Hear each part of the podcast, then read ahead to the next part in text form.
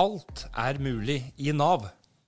Det er en påstand som de færreste kanskje tror på hvis du har vært en del av eh, systemet i Nav.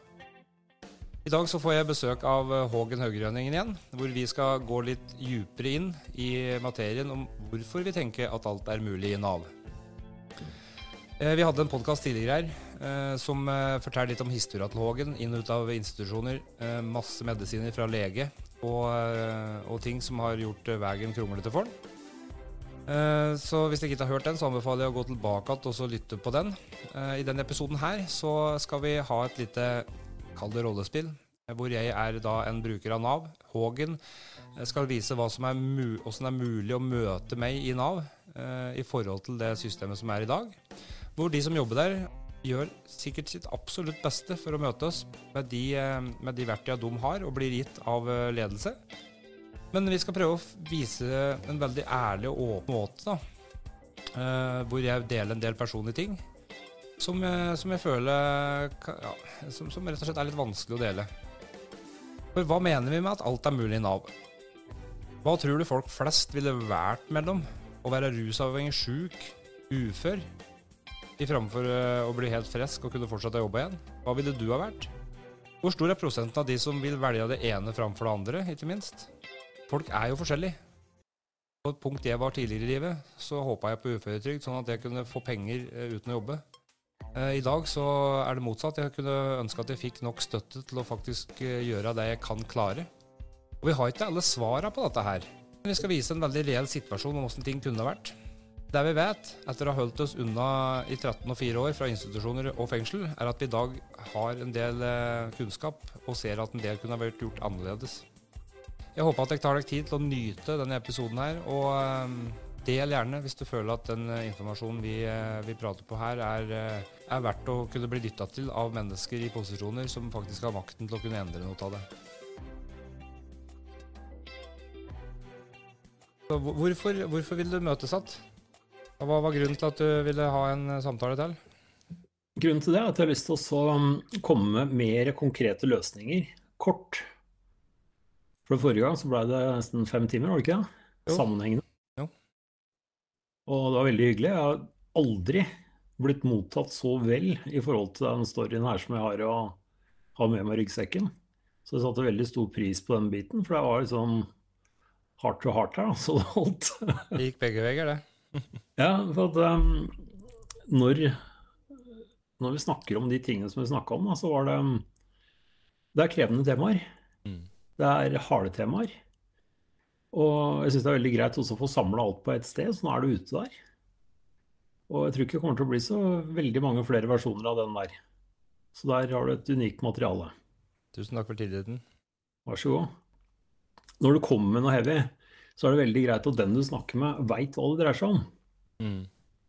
Og så mm, noe vi snakka om både før og etter og under, tror jeg det var at vi begge kunne vært i begge endene på den kniven som du opplevde òg. Absolutt.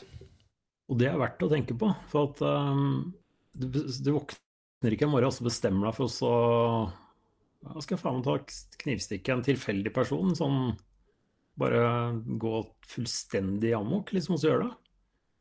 Eller at i dag så er det på tide å knerte Nav-kontoret. Eller nå skal jeg virkelig ta så liksom, Det starter ikke der, det starter lenge, lenge, lenge før. Mm. Og de handlingene der er i affekt. Og jeg er dypt takknemlig for at jeg ikke har altfor mange av de på samvittigheten sjøl.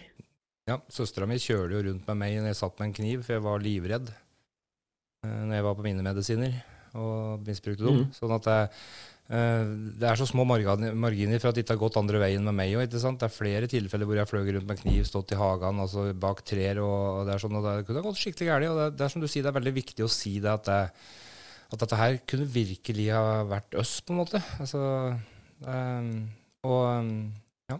ja. Helt klart. For at, uh, det er tilfeldigheter som gjør at det ikke går skikkelig gærent. Og når vi først snakker om det der, så kan jeg også si at det er flere anledninger som det at jeg var bevæpna, redda meg jo. Bare så det er sagt, da. Det er jo en del av grunnen til at jeg klarte å tilgi den. Jeg har vært i situasjonen sjøl. Hadde ikke jeg vært rusavhengig og misbrukt medisiner og sånne ting, og jeg aldri skjønt hva det vil si å være redd og, og ha den frykten og alt dette der. eh, så hadde jeg aldri skjønt hvorfor han gjorde det. Da hadde jeg hata han for resten av livet. Det, men, jeg, men det, det, er, det, er, noe djupt inni meg som, som, skjønner hele greia, liksom. At vet du hva, dette her kunne ha vært meg òg. For jeg har vært i de situasjonene der hvor jeg har på en måte reagert med sinne og, og eh, frykt og alt dette der. Så, så, det du sier der, da, det er vel egentlig kjernesaken i at jeg klarte å tilgi. At jeg klarte å se meg sjøl i, i, situasjonen, og se de rundt oss som ble påvirka av det. Så, ja, altså, hvor lenge siden var det, liksom? Da 2019? Mm. Det er ikke lenge siden, da.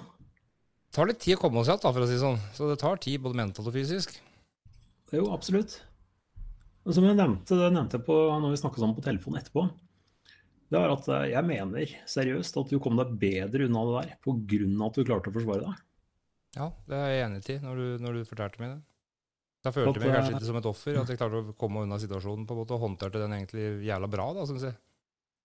Det er ikke mulig å håndtere det bedre i tillegg ringer til mor di når du merker at kroppen begynner å stenge av organ etter organ etter organ, og ta den praten med de i den tilstanden der. Og videre, hva du sa etterpå, når du våkna igjen, tar den praten med, med media eller lokalavisen og den biten der, og så får gitt beskjed til han knotten som sitter i fengsel. Og videre at du klarer også å få tatt noen grep og få parkert der for din egen del etter det igjen. Det der Det Der bøyer jeg meg tvert for, liksom. Det er veldig, veldig bra. Jeg sier tusen takk for det, altså. Eh, jeg setter pris på det. Jeg kjenner at jeg er ikke så god på å ta imot skryt ennå, men, eh, men, eh, men, jeg, men, jeg, setter veldig stor pris på det, sjøl om jeg kanskje ikke viser det. Jeg blir veldig varm i hjertet når du sier det. Og, men, jeg, men, jeg, er helt, helt ærlig, liksom. Så, så, med det jeg har lært og opplevd da, de siste fire åra siden dette skjedde, så ønsker jeg av hele mitt hjerte at han skal få samme, og enda bedre, oppfølging enn det jeg fikk, sånn at òg han har muligheten til å kjenne på den følelsen som jeg sitter med i dag. For det er ingenting som ville ha gleda meg mer enn at hvis han hadde på en måte fått ting, uh, hjelp med sine utfordringer uh, mm. der han er, uh, i stedet for straff med å bli låst inn 23 timer i døgnet i flere måneder, liksom. At du faktisk får komme og prate med noen om det som skjedde, og til å få det ut. Jeg tenker at når vi tar ansvar for oss, så renner resten av ansvaret dit hører hjemme. Jeg hører du si det støtt og stadig. Ja, men det er jo en hard læring, altså. Ja. For at um, Når jeg fikk sortert litt, så så jeg at um, det gikk veldig fort da, å gå ut fra en offerrolle og så videre til å se etter muligheter. Og Det var liksom bare å få en oversikt over hva er det jeg har ansvar for her. Jo, det er alt som jeg personlig har stelt i stand. Mm. Det, liksom, det hører meg til. Men alt som var rundt, det kan ikke jeg ta ansvar for. For det var ikke meg. Mm. Og det de fleste tenker da, ja, men da var det sikkert en slem gjeng eller et eller annet sånt rundt deg. Nei, det var ikke det. Det var en haug med mennesker som ikke gjorde jobben sin. Og det der leder til en tråd som jeg ønsker å ta opp for, også, for å dele i den podkasten her òg. For at um, hvis du hører på bare lite klipp, da, som en av de klippene som la ut, så var det en liten snutt der som hørte på når jeg var på vei på trening i dag. Der kan komme helt feil ut okay. hvis det var noen bare hører akkurat den. For da sa jeg at offentlig ansatte har ikke peiling på hva de leverer. Ta ut den, den vesle saken her helt separat, så blir det helt feil. For det var ikke det jeg mente at de ikke hadde peiling. Poenget er at de ser ikke systemet de er en del av. Ingen ser det systemet vi er en del av, for er, vi ser det fra innsida ut. Det er veldig viktig. Jeg har sendt deg den uh, i en lengre blogg. Mm. For alt av hjelpeapparatet det er bygd opp rundt New Publish Management-systemer. Og det er en lengre sak. Men bloggen der, den anbefaler jeg de som er interessert i det temaet der, å spore opp. Jo, nå an jeg noen lenker til deg i teksten. Jepp. For da ser vi symptomene. Mm. Og hvis vi er en del av et sånt system, så ser vi ikke hva vi gjør, og vi ser ikke hvordan vi blir påvirka. Men det er årsaken til at uh, bl.a. Nav er den organisasjonen i Norge som har mest sykefravær. Og det er ikke bare pga. at det er vanskelig og krevende å jobbe med brukere, tunge brukere, men det er et system som produserer sykefravær. Og den vinklingen der, den uh, savner vi også å se mer av i det offentlige. Ja, du skriver jo til meg, da. Eh, bryr ikke det kommunale og det offentlige hjelpeapparatet seg og Nav seg om brukernes opplevelser? Bryr de seg virkelig ikke? Jeg vet, jo, jeg, vet, jeg vet, jo, at de gjør det, men, eh, for de gjør jo sitt beste. Jeg føler jo det. Det er bare at det, beste blir begrensa kanskje av systemet bak. Helt klart. For at um, Jeg kunne forklart hvordan det, et sånt system er bygd opp, men det, det blir for teknisk og kjett å høre på. Men jeg kan si noen av de symptomene som viser seg i et uh, New Publish Management-system. Det er at du får uh, ledelse som er ekstremt resultatorientert. Og at jo bedre resultater, jo flinkere framstår ledelsen. Det der bruker også være um, noe som de fleste ansatte lett kjenner igjen. Og så har jeg noen punkter til på det. Så de som ønsker, kan ta og spore opp der, og så kan de ta og lese om og se om de kjenner henne. Um, New Public Management er en forretningsmodell som skaper mange tapere. Det sliter ut menneskene som er en del av det. Det er både etisk og, og samfunnsøkonomisk uforsvarlig. Og det er et system som driver rovdrift på ansatte.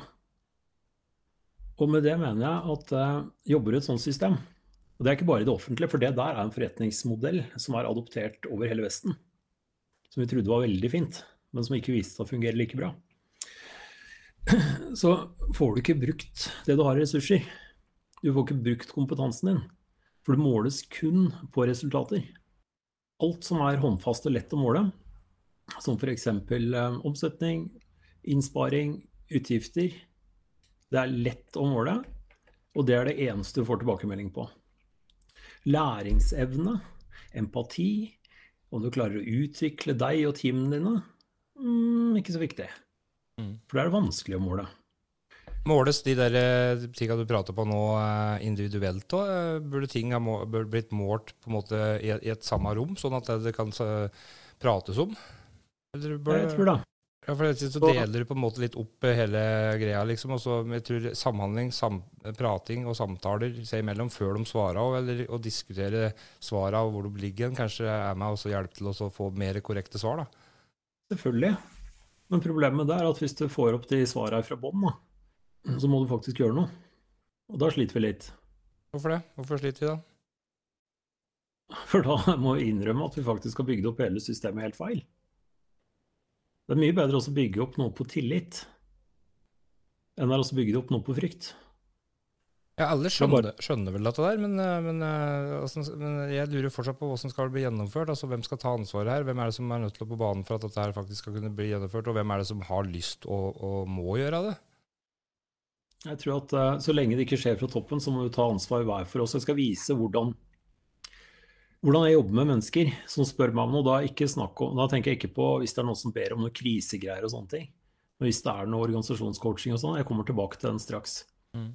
De tingene her er noe jeg savner, og så blir spurt om fra offentlig. Jeg ble spurt masse om foredraget sånn fram til 2015. Og det var kun ut ifra min erfaringskompetanse hvordan jeg opplevde ting og tang.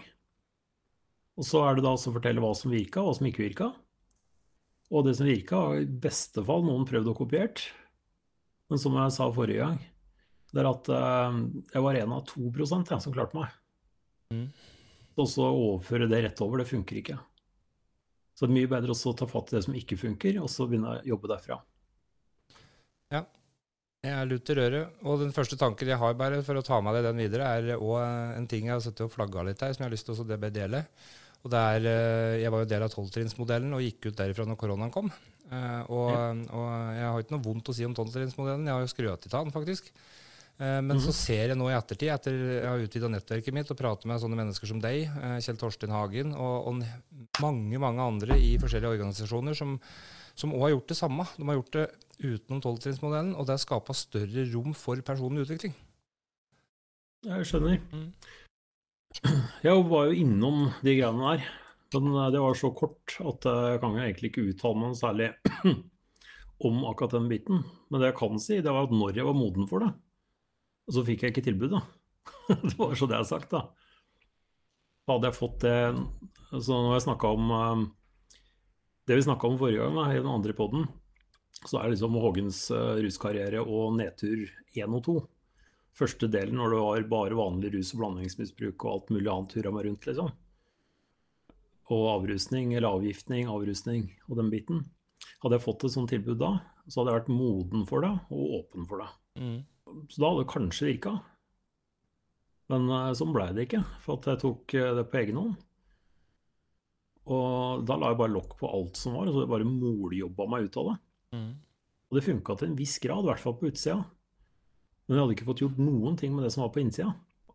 så det bare um, Det gikk liksom til en viss grad, da. Og så fikk ferdig eksamen, ferdig på lærerskolen og, og, sånne ting. Og så var det liksom bare sånn når uh, medisinering og sånn kom på toppen der. Da, da blei det gærent, liksom. Ja. Så det jeg savner at noen hadde spurt meg om, ikke da, men i ettertid, det er liksom Hva er det du jobber med nå egentlig, Ågen? Åssen har du fått det her til å funke? For at du har uh, jobba med coaching og veiledning i 13 år, du nå. Uten noe Nav-støtte. Uten å ha fast ansettelse et eller annet sted. Nå har ikke jeg blitt steinrik på det, bare så jeg har sagt. da. Jeg har reist litt for mye til akkurat det på et sted. Men um, det har i hvert fall gått rundt. Mm. Og det funker. Og det er noe helt annet å jobbe i privatmarkedet enn det det er også um, sitte på et kontor hvor du får fulle lister fordi det er et behov i en kommune for dine tjenester. Eller at du er ansatt i et firma, og så har du Si at du har en rådgiverrolle, og så at du tar med kundene. Du starter eget firma, og så tar du kundene vekk fra arbeidsgiver, egentlig, og starter eget. Det er det òg veldig mange som gjør, og bygger opp da en coachkarriere ut ifra det. Da kommer òg kundene egentlig litt av seg sjøl, mener jeg da. Det er sikkert litt delte meninger om den biten. Men det er i hvert fall mye hardere å starte helt fra scratch med å begynne å holde workshop, foredrag og jobbe helt fra bånn opp. Mm. For da er det ingen som kommer av seg sjøl. Og du er akkurat så god som det du klarer å levere. Der er det en del ting som jeg mener at det er um, viktig å ta med seg når vi jobber med mennesker. Så tenkte jeg skulle også spørre og grave litt hos deg. Ut ifra noen spørsmål jeg har med meg. Ha en god liten samtale her. Okay. At, um, når jeg står opp om morgenen, så er det et par ting jeg tenker på. Det er hvorfor går jeg på jobb i dag? Det er liksom Hvorfor går jeg på jobb? Og er jeg villig til å gjøre det som trengs?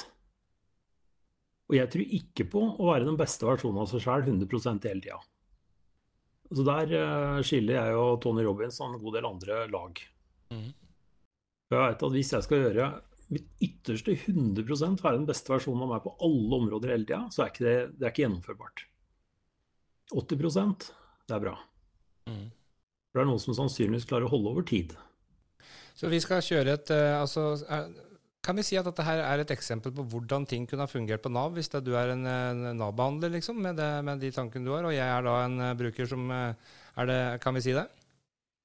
Det kan vi kjøre den veien. For da, for da kan vi på en måte gi et eksempel på åssen dette her kan gjøres? Det er bare å ta oss og varme opp litt med et par sånne småting som jeg setter meg inn i alltid. Mm. Hvis jeg glemmer hvorfor jeg går på jobb, da blir det plutselig veldig kjedelig. Og det er viktig å tenke på uansett hva vi gjør. Mm. At, hvorfor holder du på med podkast, f.eks.? Hvorfor går du på trening? Hvorfor er du det forholdet du er i? Hvorfor bor du der du bor? Hvorfor spiser du det du gjør? Hvorfor fortsetter du også å bruke en, uh, vapen istedenfor den fantastisk fine general Løsnes. Sladrehank. For det, det, er viktig å stille seg sånne spørsmål, for at da kommer vi mye mer i kontakt med hvorfor gjør vi det? Er det noe som vi bare har blitt sånn? Eller er det noe som vi har valgt? For at uh, både jeg og du har fått en kjempegave i form av at vi har hatt muligheten til å reskape livet vårt i voksen alder. Bare tenk på dybden i det. Tenk på hvor mange som bare gjør det de har gjort hele tida, og så fortsetter vi å gjøre det samme. 90 av alle jeg kjenner, går jo i den samme, samme tralten med samme boksa hele veien. Ja, vi gjør det. Men hvis vi begynner å se litt nærmere på sånn, så er det sånn Hvorfor gjør jeg egentlig det her? Da kan vi begynne å se på er det jeg gjør, nyttig. Er, det, er jeg god på det jeg gjør? Eh, er det moro? Tjener jeg penger på det? Er det noe samfunnet har behov for? Er det noen som ønsker å betale for det? De tingene er viktige å stille seg noen alvorlige spørsmål på, spesielt når du driver alene mm. eller eget firma.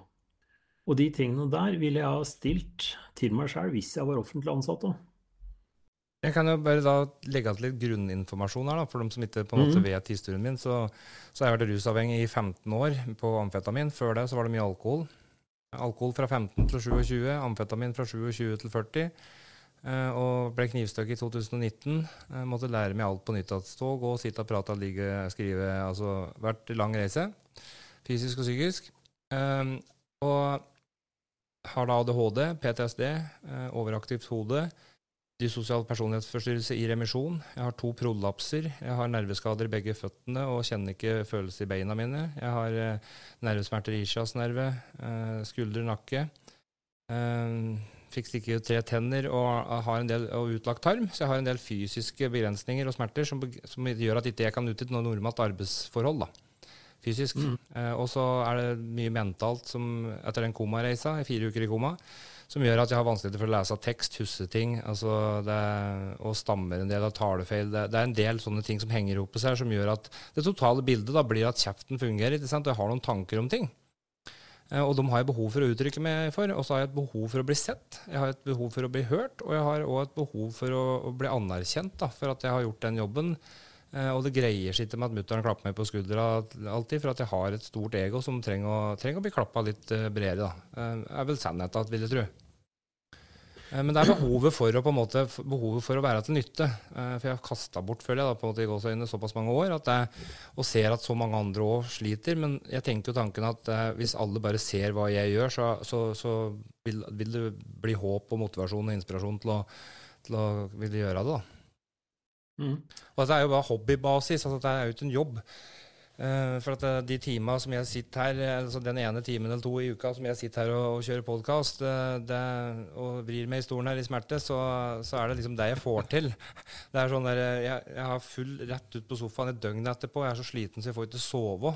Så det er mye som ikke synes her, som, som skjer, da.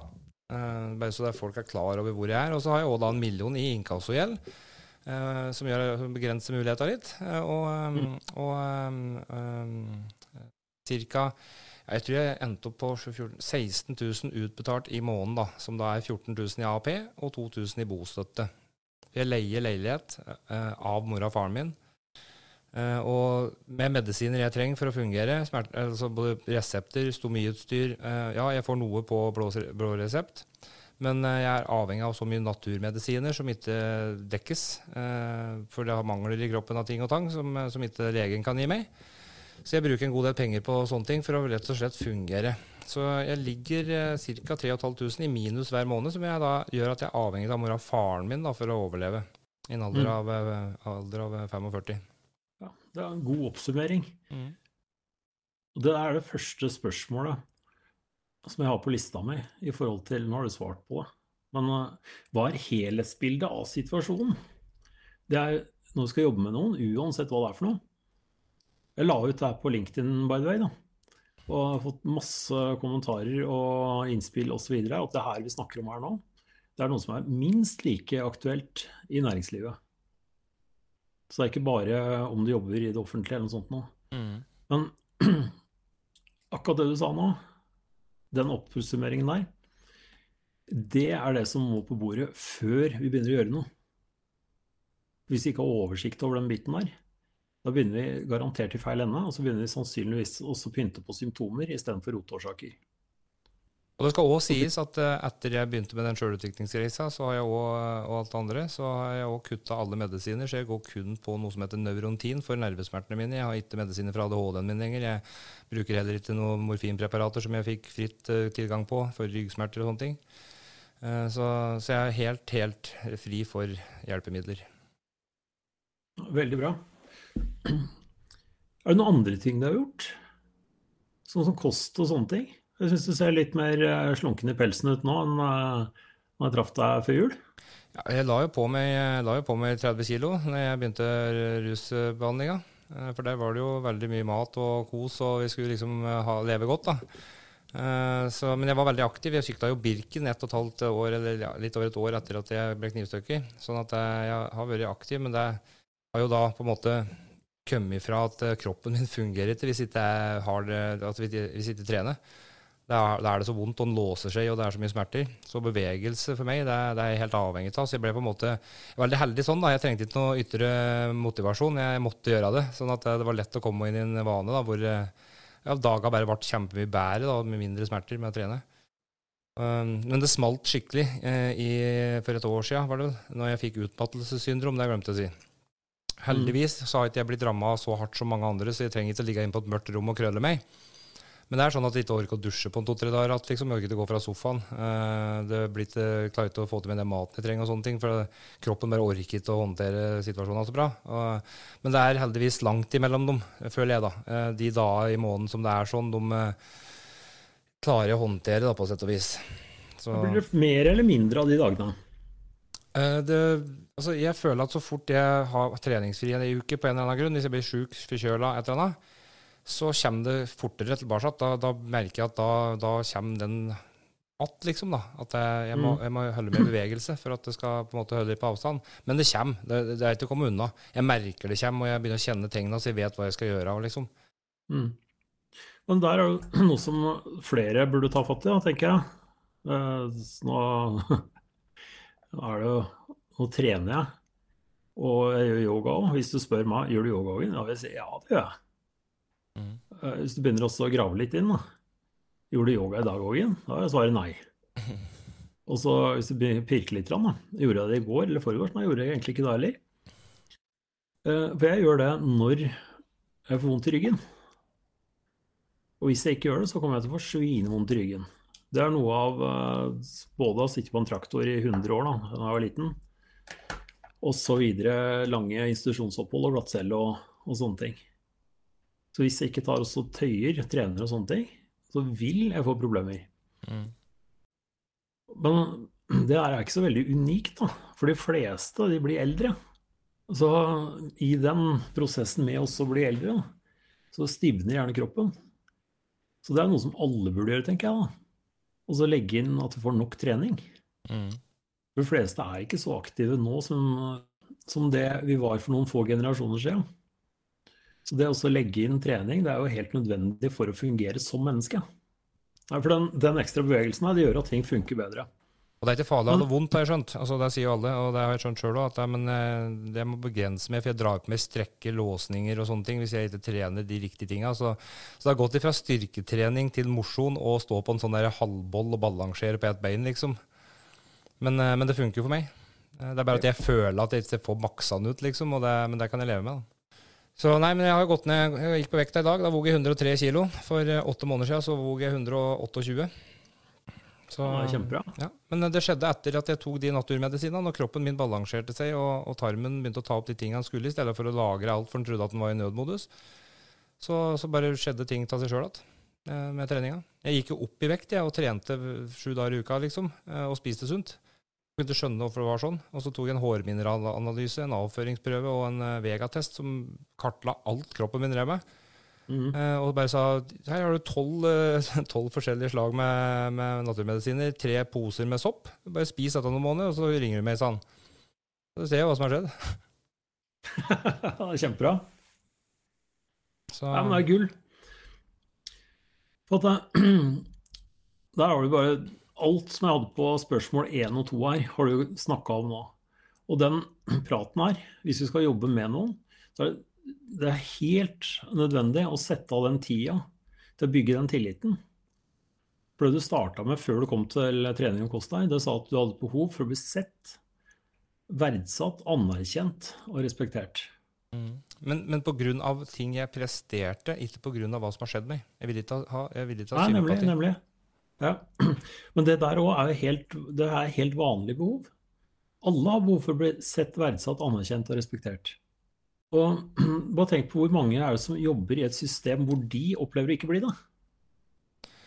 Altså Allerede hit da, i samtalen så har ikke møtt noen i systemet som har spurt om de tingene her. i hvert fall. Jeg føler at her har jeg en samtale med et menneske, ikke noen som sitter og skal hjem til, til middag klokka tre. liksom. Ja, for Hvis du ikke tar deg tid til de spørsmålene, så, så, blir ikke jeg kjent med deg. Og hvis jeg ikke blir kjent med deg, så kan jeg ikke komme med noen forslag etterpå. Og da er jeg ganske sikker på at du kommer rett tilbake på kontoret mitt igjen. Mm. Jeg fylt ut et skjema, da, og så er det å møte opp for at det er pliktig å gjøre et eller annet, og så skal du helst ut i jobb. Og så Ja, hva slags jobb da? Nei, hva som helst. Det er sånn der, Du må bare prøve hva det er du får. og sånn har det vært i 18 år da, på Nav med meg, for å si det. Jeg hadde Jeg hadde jo 40 utskrivelser fra Sanderud, da. Hvor det var akkurat de samme greiene, liksom. Og det verste de prøvde på, det var faen meg raka løv i, i Vålbyen. Og så barnehageassistent eller noe sånt noe. I den byen du hadde vært rundt og rasert òg, liksom? Selvfølgelig. Eh, det eneste som kanskje var litt verre, det var forslag på skogsarbeid og sånt, rett fra akuttposten. Oi. Og vinsjetømmer og den biten der. Var det noe jeg virkelig var ferdig med, så var det gårdsarbeidet. Ja, ikke sant? Så poenget er altså å finne hva er det personen egentlig har lyst til? Mm. Hva slags evner, hva er det som er der? Hvis du ikke får tak i de tingene der, så skjer det ikke. Ta en kjapp liten avsporing opp til, um, opp til uh, Reinsvoll sykehus. Der var det um, en psykiater som, som jeg har veldig stor sans for, bare så det er sagt. Så ikke alle blir dratt under én kam her. Men uh, han så at det gikk jo gærent, da, for det var ingen som brydde seg en dritt om hva jeg hadde av kompetanse fra før, hva jeg hadde erfaring, hva jeg hadde lyst til, hva jeg hadde evner til, osv. For det ble sett på hvor dårlig jeg var akkurat der og da, ikke hvor jeg skulle. Mm. For tanken Det virka som noen mente at jeg burde stått med medisiner for resten av livet. Og det var det noen som både sa og skrev veldig tydelig òg. At uh, du så medisinlista mi. Og sånn som meg kunne regne med å være sånn for resten av livet. Mm. Og der hadde jeg litt andre tanker, da. Og han psykiater han sa han helt ordrett til, um, til uh, Nav-sjefen i kommunen når de kom på møte. At hvis Haugrønningen ikke har noen spesiell interesse av å melke geiter, så er det faen så klart den ikke skal gjøre det. Det var liksom Han mente at her var det um, lengre utdannelser som var verdt å bygge på. Det er liksom totalt bortkasta. Og så ha utdannelser, ha arbeidserfaring og sånne ting, hvis de ikke får muligheten til å bruke det og bygge på det. Og i forhold til deg, så tenker jeg, hva er det som kan være til hjelp videre? Hvor er det du tenker å bevege deg? Hva er det som har du lyst til å gjøre? Altså, drømmen min, da, Mhm. uansett om jeg klarer den eller ei, det er jo å kjøpe en plass oppi her som koster 70 millioner. Det er, det er drømmen min. Altså, er, hvis jeg hadde fått gjort som jeg ville med ubegrensa muligheter, så hadde jeg kjøpt mm. den plassen med 1000 mål, og så hadde jeg satt opp masse grønne hus, eh, miljøvennlige hus, og dyrka økologisk mat på gården som vi hører til der. og og det hotellet da med, som, som en slags sånn kjerne hvor jeg bare kunne ha levd det livet jeg ville med de menneska rundt meg som, som, som er som oss. da. Det er min personlige drøm. Og så er det for å liksom, på en måte um, komme dit, så, så, så handler jo det i forhold til min situasjon og hvor jeg er, da, eh, om å, å få, få, få nok penger til å leve først, sånn at jeg faktisk kan slutte å bekymre meg over det hver måned. liksom.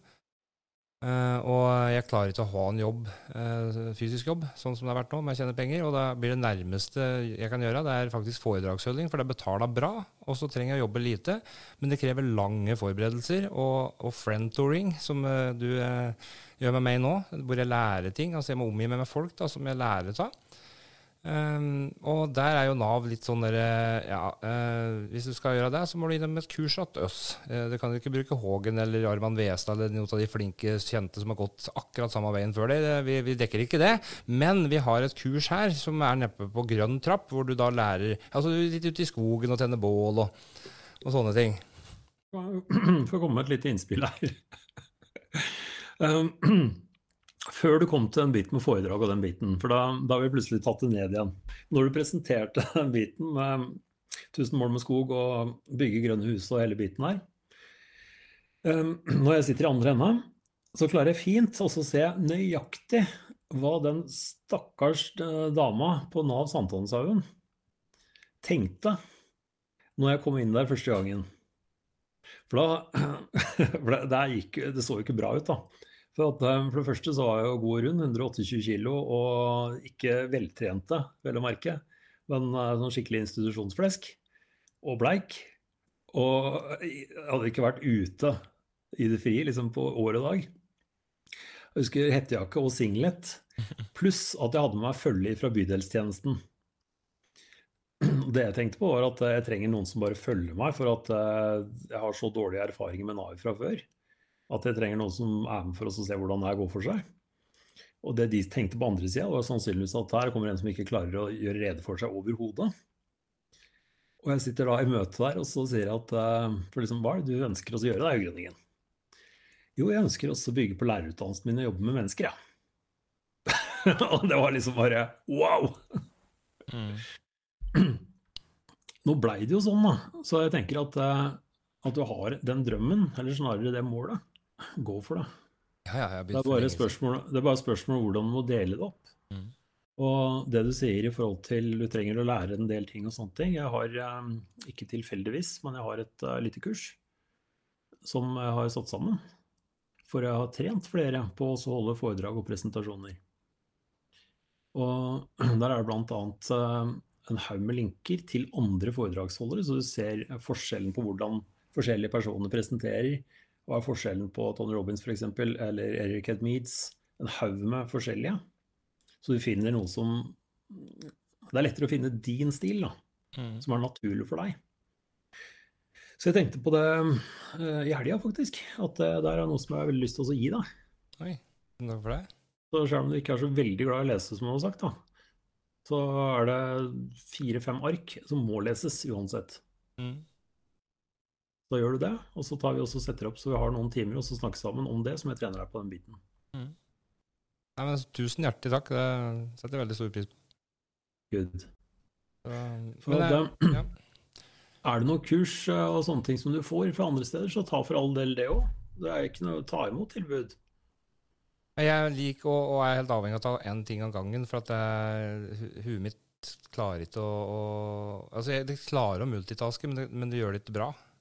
Altså skal, og jeg vet at med den, de personlige utviklingskursene jeg har tatt før òg, så har jeg brukt sabla lang tid. Men uh, jeg konsentrerer meg om den jobben og går fullt inn for den, for jeg vil ta noen forstyrrende elementer ellers. Men et forstyrrende element i seg sjøl, si er jo nettopp den der pengesituasjonen, eller økonomiske situasjonen jeg er til. for det nå er jeg inne i Det er rett før saken min blir sendt til han legen i Nav, som skal avgjøre om jeg skal uføretrygde litt. Mm. Jeg, jeg, jeg, har, eh, jeg, har, 1400 sider med legejournaler fra, fra, fra 1984 og fram til nå, med situasjoner jeg har vært i, med sykdom og fordervelse og feilmedisineringer og diagnoser og, og det, gjennom livet. Eh, sånn at, eh, men allikevel har jeg vært kalt inn i to møter med Nav nå i senere tid hvor jeg har hatt med meg søstera mi, for jeg klarer ikke å møte Nav. Og det har ikke noe med saksbehandlerne å møte, for de er helt fine. Uh, det, det, er klart Jeg har møtt saksbehandlere som har gitt meg motstand, men da har kanskje ikke jeg vært så enkel å ha meg gjort det. For da var jeg ute etter noe annet enn det jeg var nå. men, uh, men, uh, det, men, men, de jeg har møtt i senere tid, de siste fire åra, har jo absolutt på en måte gjort det de på en måte føler de klarer. da. Men det at jeg må ha med søstera mi, det handler om, og det, og det er jeg glad jeg hadde siste turen. for Det ble først tatt inn i møte. Nå skal vi sende inn saken din, nå har vi nok dokumentasjon, og vi går for uføretrygd. For at vi ser her at det, det er det mest lønnsomme eh, mm. for alle parter. Eh, og, og, det er det du trenger kanskje for å få orden på den økonomiske situasjonen din nå. Sånn at mm. her får du da eh, en sikker lønn som kan gjøre at du kan få gjeldssanering. Eh, fem år med gjeldssanering, så er jeg gjeldfri. Eh, og som passer helt fint, fint inn i 50-årsplanen min når jeg har tenkt å på en måte være gjeldfri. Og jeg har og muligheten til å på en måte fortsette å utvikle meg. Det er ikke sånn at jeg setter meg til med den uføretrygda og lever lykkelige dager på den. Jeg skal fortsatt forfølge målet mitt om å bli en foredragsholder, men da har jeg på en måte flere år å gjøre det på. Altså, jeg, jeg kan bruke to år da, på, i mitt tempo med den tryggheten om at jeg, nå har jeg mat og betaler husleie og strøm og alt dette der, og jeg slipper, jeg slipper å tenke på noe annet. da. Uh, men uh, sånn at jeg, jeg, håper at de kommer fram til at jeg, at jeg får en uføretrygd. Sånn for vil, altså da begynner jeg å grine, tror jeg, hvis de ringer og sier jeg får det. For det som skjedde på det siste Nav-møtet, var at de kalte min igjen enda en tur, for at de hadde fortsatt ikke nok. Uh, for, for, legen hadde ikke sagt at det her er grunnen til at han skal uføretrygdes, for at har, han, er, han, har en sak her. Altså Det er noen og 30 saker, altså ting, da, diagnoser og saker med skader Eh, sånn at de, de eh, har slett utfordringer med å få det til å passe inn i systemet deres. Så det ser ikke bra ut på arket. Da for at, eh, da er det lettere mm. sagt at ok, ryggen hans er så vond, og han har, en, har en, to prolapser som gjør at det er fysisk arbeid det er helt umulig. Uh, og det har han sagt, legen. Det er, men det henger jo sammen med Og så kommer den andre setningen bak, uh, som, som, gjør at det, men uh, det henger jo sammen med de andre tinga. Og da tror jeg de, de, sliter med å få tak i da, hva de skal, på en måte skal gjøre her for at dette skal se riktig ut på papiret. For det går jo tilbake på legen eller saksbehandleren min, hvis ikke de har gjort en grundig nok jobb eller riktig nok jobb. Mm. Så enda på visa var jo at det er legen min da, han sa jo jeg skjønner ikke hva jeg gjør i dette møtet her, for jeg, jeg har svart på alt jeg lurer på, og dere roter rundt i en grøtbolle. Det er bare å gå tilbake til papirene til 2002. Det begynte der. Mm. Så det er jo det som er grunnen. Og, grunnen der igjen har jo da masse andre ting. Utlagt tarm, puntert lunge, nerveskader. Altså, sånn at jeg, jeg føler at jeg, jeg, må bevise for dem da, eh, hva som er greia her. Altså, Verken det legen min sier eller det jeg sier, blir på en måte Hun saksbehandleren sitter og sier ja, vi lurer på en del ting. Og så sier søsteren ja, hva er det dere lurer på? Du, du, spør jo ikke direkte om en ting. Så ut av de to møtene så, så ble vi enige om at Nav måtte gjøre jobben sin bedre og spørre legen min mer direkte spørsmål. Og da knekker jeg sammen og begynner å grine. At det er en måned siden. Da sier jeg bare unnskyld, men nå må jeg gå. Mm. Da ble jeg, dårlig, da ble jeg dårlig til å sitte og gå gjennom saken min enda en tur til at, og prøve å si at dette er så Altså, jeg, jeg blir dårlig av det. Selvfølgelig, det høres kjent ut. Det er eh, de tusen utredningene som jeg har vært gjennom og sånne ting. Det er samme greia. Har du tatt også spurt, eh, ikke spurt, men krevd? Jeg krever at dere kommer med de kriteriene dere trenger for å kunne fatte et vedtak her. Og at du får det skriftlig, på, skriftlig fra dem før møter. Hvilke kriterier er det dere trenger for å kunne fatte et vedtak her? Hvor mange? 1, 2, 3, 4. Hva slags dokumentasjon er det dere trenger? Hvis du ikke har det, så blir det bare at du spiller pingpong med dem. Det ble satt en sånn standard, og da skulle legen mm. være med inn for å svare direkte. For jeg sa jeg kan ikke være noen mellommann her, så jeg er ikke noen lege, jeg er ikke noen behandler. Jeg, jeg, jeg, jeg, så den du spørre legen min om, og da tok vi et møte med han. Som da òg bare endte opp i at hun hadde egentlig ikke noe gode spørsmål. Det var bare at han le, legen da, som skal ha saken, han hadde bare sagt at det trengs mer konkret informasjon her. Ikke sant? I all verden Det her var på lista mi, by the way. Hvilke samarbeidspartnere er det vi har? Hva er det de gjør? Hva er det de trenger? Og alt de tingene der. Spill tilbake til legen. Hva slags konkret informasjon er det han trenger? Ikke vi trenger mer informasjon. Det er liksom Jeg trenger mer luft. Mm. Eh, jeg trenger luft? andre å snakke med. Nei, men jeg, jeg, kjenner bare da jeg sitter og prater på det nå Jeg blir sånn der, åh, jeg blir så sliten av det. liksom, sånn der, Jeg er så lei av å sitte og prate opp igjen og opp igjen på de samme tinga. Liksom. Ja, jeg følger. Vi skal ta, ta den videre her. Men det der, hvis du ikke pusher på at uh, Hvilke kriterier er det som må innfris for at uh, uføretrygd skal kunne gis? Nå, bare så det er sagt da, nå, nå, ja. nå, jobber de jo med akkurat den biten her. sånn at De er jo i den prosessen med å sende det direkte til legen min, hvor han nok en gang da må svare på men da blir det forhåpentligvis litt mer konkret, som du sier. Altså, men, men, at jeg skal, ja. måtte, at jeg skal ja, måtte inn det der, er, det der er ting som den saksbehandleren du har, da. Det er jo i hennes eller hans interesse altså vite de tingene hva legen kommer til å spørre om. Så det jeg aner, da, det er at det er dårlig forberedt i alle ledd og ender.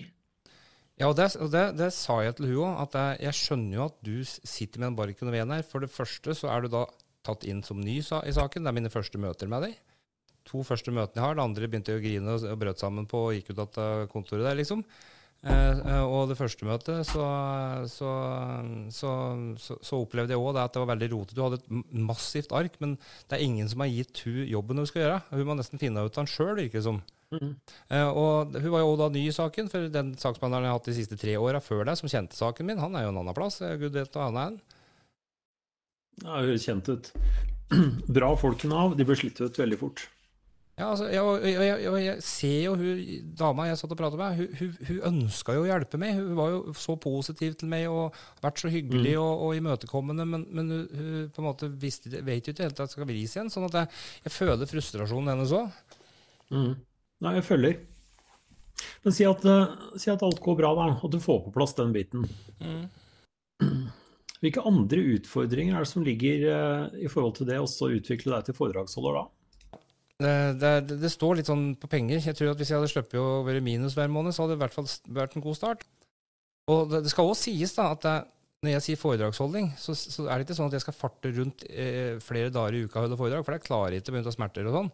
Men jeg har testa meg på et par foredrag for uh, voksenopplæringa på Gjøvik. Jeg har testa meg litt i Gründerparken og sånne ting. Og jeg klarer på en god dag å stå opp oppreist en time hvis jeg har en stol å sette meg på i, mellom, liksom, i løpet av foredraget. Så, sånn at det handler ikke om Altså Jeg kan sitte i en sofa og holde et foredrag, for det som kommer til kjeften på meg, er jo akkurat det samme. Det er kanskje at det ikke blir den samme opplevelsen som uh, når du står på scenen, men, men jeg skal nå få fram poenget mitt. Ja, det er det alt dreier seg om, at du klarer å levere noe som er nyttig for andre. Ja. Og jeg tenker at med den kompetansen du har, og ikke minst at det du har um, Jeg tenker på historien, da, det er én ting. Men du har et jævla bra hue, da. Takk for jeg føler at du virker innimellom. Du, må, måten du tenker på, måten du legger fram ting på. Så det er minst like nyttig i forhold til næringsliv og, og andre steder som folk ønsker å skape verdier. Ikke bare for så, for rehabilitering for de som er dårlige og trenger den hjelpa. Men for eh, folk som f.eks. skal starte et firma, skal drive det, hva er det du kan komme med av innspill der? Blant annet så har du en tidligere karriere som narkoman, liksom. Det hjelper jo som faen, for jeg veit at du har solgt noe. Hvordan var det du tenkte da? Hvordan var kundekommunikasjonen? Hvordan var det du la opp ting? Hvordan var uh, si, distribusjonen og forsyningslinjer og hele den biten der? Hvordan var markedsforberedelsen? Mm. Alt det der er jo ting som kan konverteres til et ryddig, fint yrke. Da. Det må bare tas og flyttes fra et område til et annet. Mm. Da er vi inne på det som Arman snakker om, at det er gull i CV-en. Ikke hull i CV-en, men gull i CV-en. Gull i CV er gull? Ja, kan være.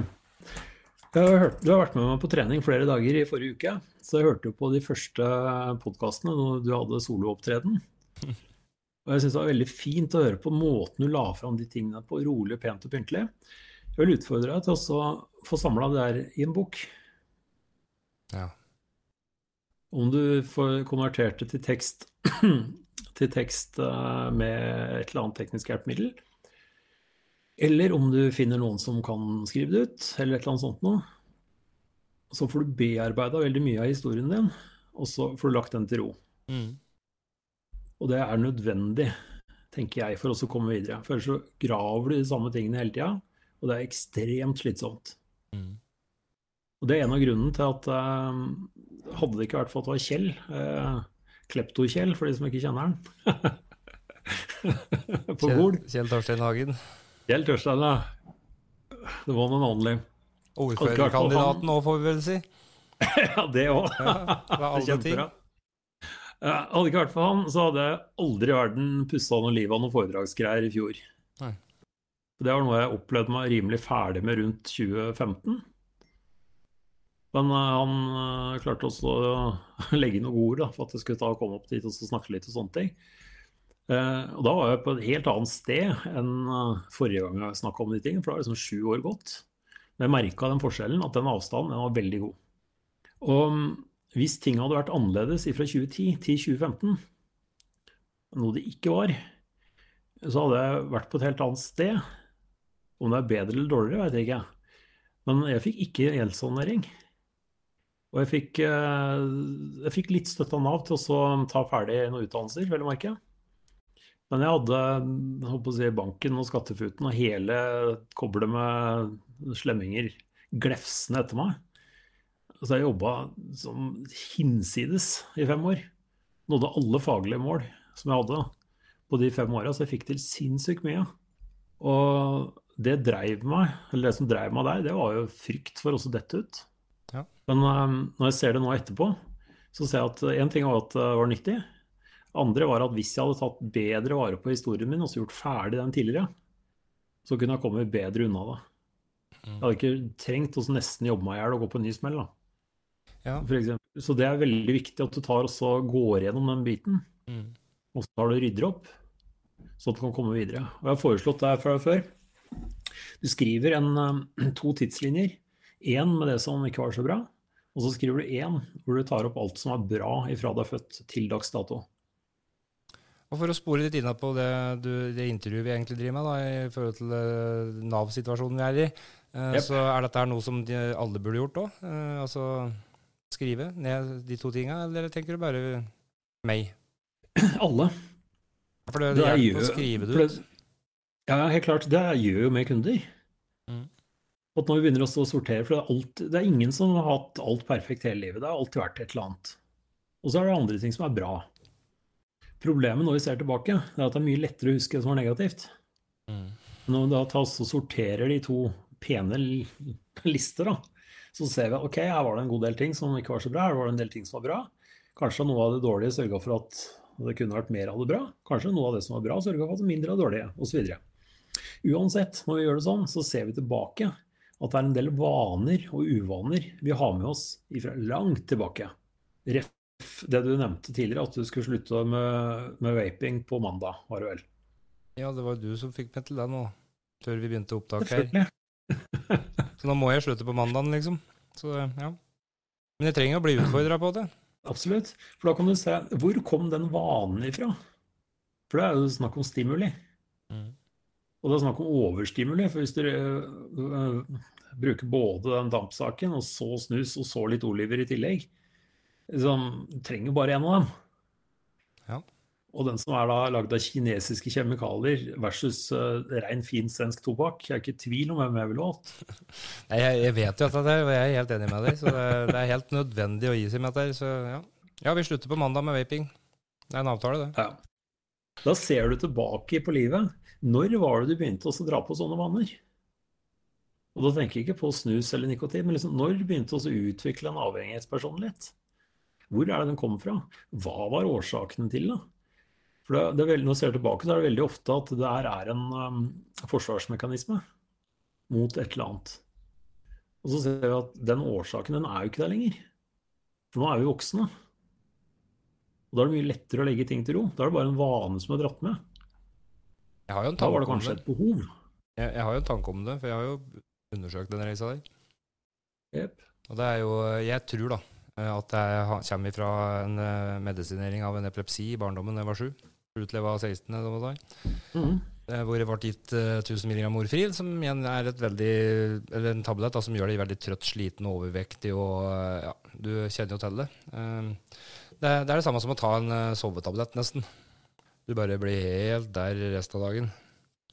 Mm. Og mye fravær på skolen og sånne ting, og dårlig gym og la på meg mye vekt og sånne ting. Og jeg tror at det, når jeg slutta på det, så var det ingen som fortalte meg at jeg skulle trappe ned eller gå av de tinga der. Så jeg bråslutta for å få lappen. Og, og kjente jo da på at eh, det, det jeg, kjente, jeg, måtte, jeg måtte bli nykter nå da, for å kjenne igjen følelsen. Så den mm. kjente igjen uh, når, jeg, når jeg gikk til amfetamin. Så, så ok, dette her er jo litt samme følelsen jeg hadde da jeg var liten, når jeg begynte å drikke, i stedet for å ta de medisina. Men jeg skjønte ikke at det var pga. at jeg sluttet på medisiner. Så jeg tror det kommer derifra. Ja, og nå er det en ny situasjon, og da er det mulig å legge det til ro. Nei, men det er ferdig pratet. Uh, ja, good. Mm. Uh, så Hvilken utfordring ligger i å nå de målene her? Det er en del. Hva er det som er direkte problematisk? står på lista mi. Og det har du sagt litt om, for jeg tenker på Nå har jeg litt mer utfyllende stikkordsliste enn det jeg sendte over til deg. For når vi har samarbeidspartnere, så er det veldig viktig at vi sjekker at alle trekker i samme retning. Og det er noe jeg ville vært veldig obs på hvis jeg hadde jobba i Nav eller første eller andre linjetjenesten, uansett hvor, da, at eh, sørger uh, legen for at eh, jobben min som Nav-ansatt blir lettere, eller sørger for at det blir verre? Sørger de som jobber med behandling i institusjonen for at det blir lettere, eller gjør de det verre? Gir de meg den informasjonen jeg trenger? Kan jeg spørre om noe? Blir jeg møtt på ting? De tingene her er veldig viktig å hjelpe folk å legge til rette sånn at det blir gjort. For at i et system så er det alt ifra kunnskap, kompetanse, ekspertise, til at vi ikke kan nok, og at vi ikke veit. Og så har du kanskje en god porsjon med arroganse i tillegg. Og naivitet, ikke minst. Mm. Når vi rører sammen det der, så veit vi ikke hva vi får ut. Jeg kan jo svare litt på det med institusjon, for det, var, ja. når jeg var i rusbehandling. For jeg, jeg føler det er viktig å si det òg når jeg gikk i den eh, behandlinga i kommunen, så, så, sa jeg at jeg hadde veldig lyst til å starte samtaler som gikk utover det vi gjorde der da, med det programmet.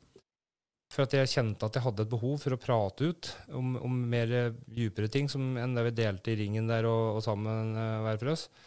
Og de mm. oppgavene jeg jobba med. For at jeg følte at uh, ja, det, det hjertet meg. Jeg kom inn i en struktur, jeg fikk rutiner. Det var, var fint på den måten. At jeg, jeg fikk litt sånne ting jeg trengte. Uh, og jeg fikk uh, noe å gå til, uh, ikke minst. Tre dager i uka. Og, men den jobben jeg gjorde der, gjorde meg også så sliten at jeg, jeg trengte de to hviledager imellom der. Og så kom helga, og så ble jeg så rastløs at jeg visste omtrent ikke hva jeg skulle gjøre av meg.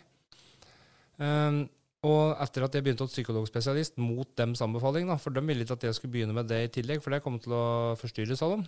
Altså, men, men, følelsen min sa jo at jeg trenger å prate med noen som, når det ikke sitter masse folk rundt meg. Jeg trenger å komme mm. til bunns i en del ting her som er bakenforliggende. Uh, som jeg føler at jeg må løse opp for å på en måte komme videre i, i programmet deres. Uh, og dette sa jeg til psykologspesialisten min, òg. han bare Jeg skjønner ikke hvorfor det skal være sånn. Altså, altså, alle de der modula alt dette de, de, vil ikke sende folk hit og, og sånne ting. Og så føler jeg at jeg nesten hjelper dem mer på, på, på, det som skulle vært plass først, da, på en måte. Mm. Uh, der kan jeg være delte meninger om, og det vet jeg ikke igjennom. Men, men jeg, når koronaen kom, så benytta jeg meg grovt av den situasjonen. For at uh, han ville jo fortsatt møte meg, for at vi kunne møtes på avstand. Sånn at Da merket jeg da hvor godt det var å kunne gjøre. uten at jeg, og, og kom ikke inn til rusbehandlinga på mange måneder. Men da begynte jeg med meditasjon, for da kom hun ene, som, som ikke er erfaringskonsulent, men som jobba for kommunen, eh, og tilby tilbyr meg å gå turer eh, og møte meg utenfor sin jobb. Da. Hun gikk ut av rollen sin. Forresten så slutta hun der, da, for at hun følte at hun fikk gjort en god nok jobb.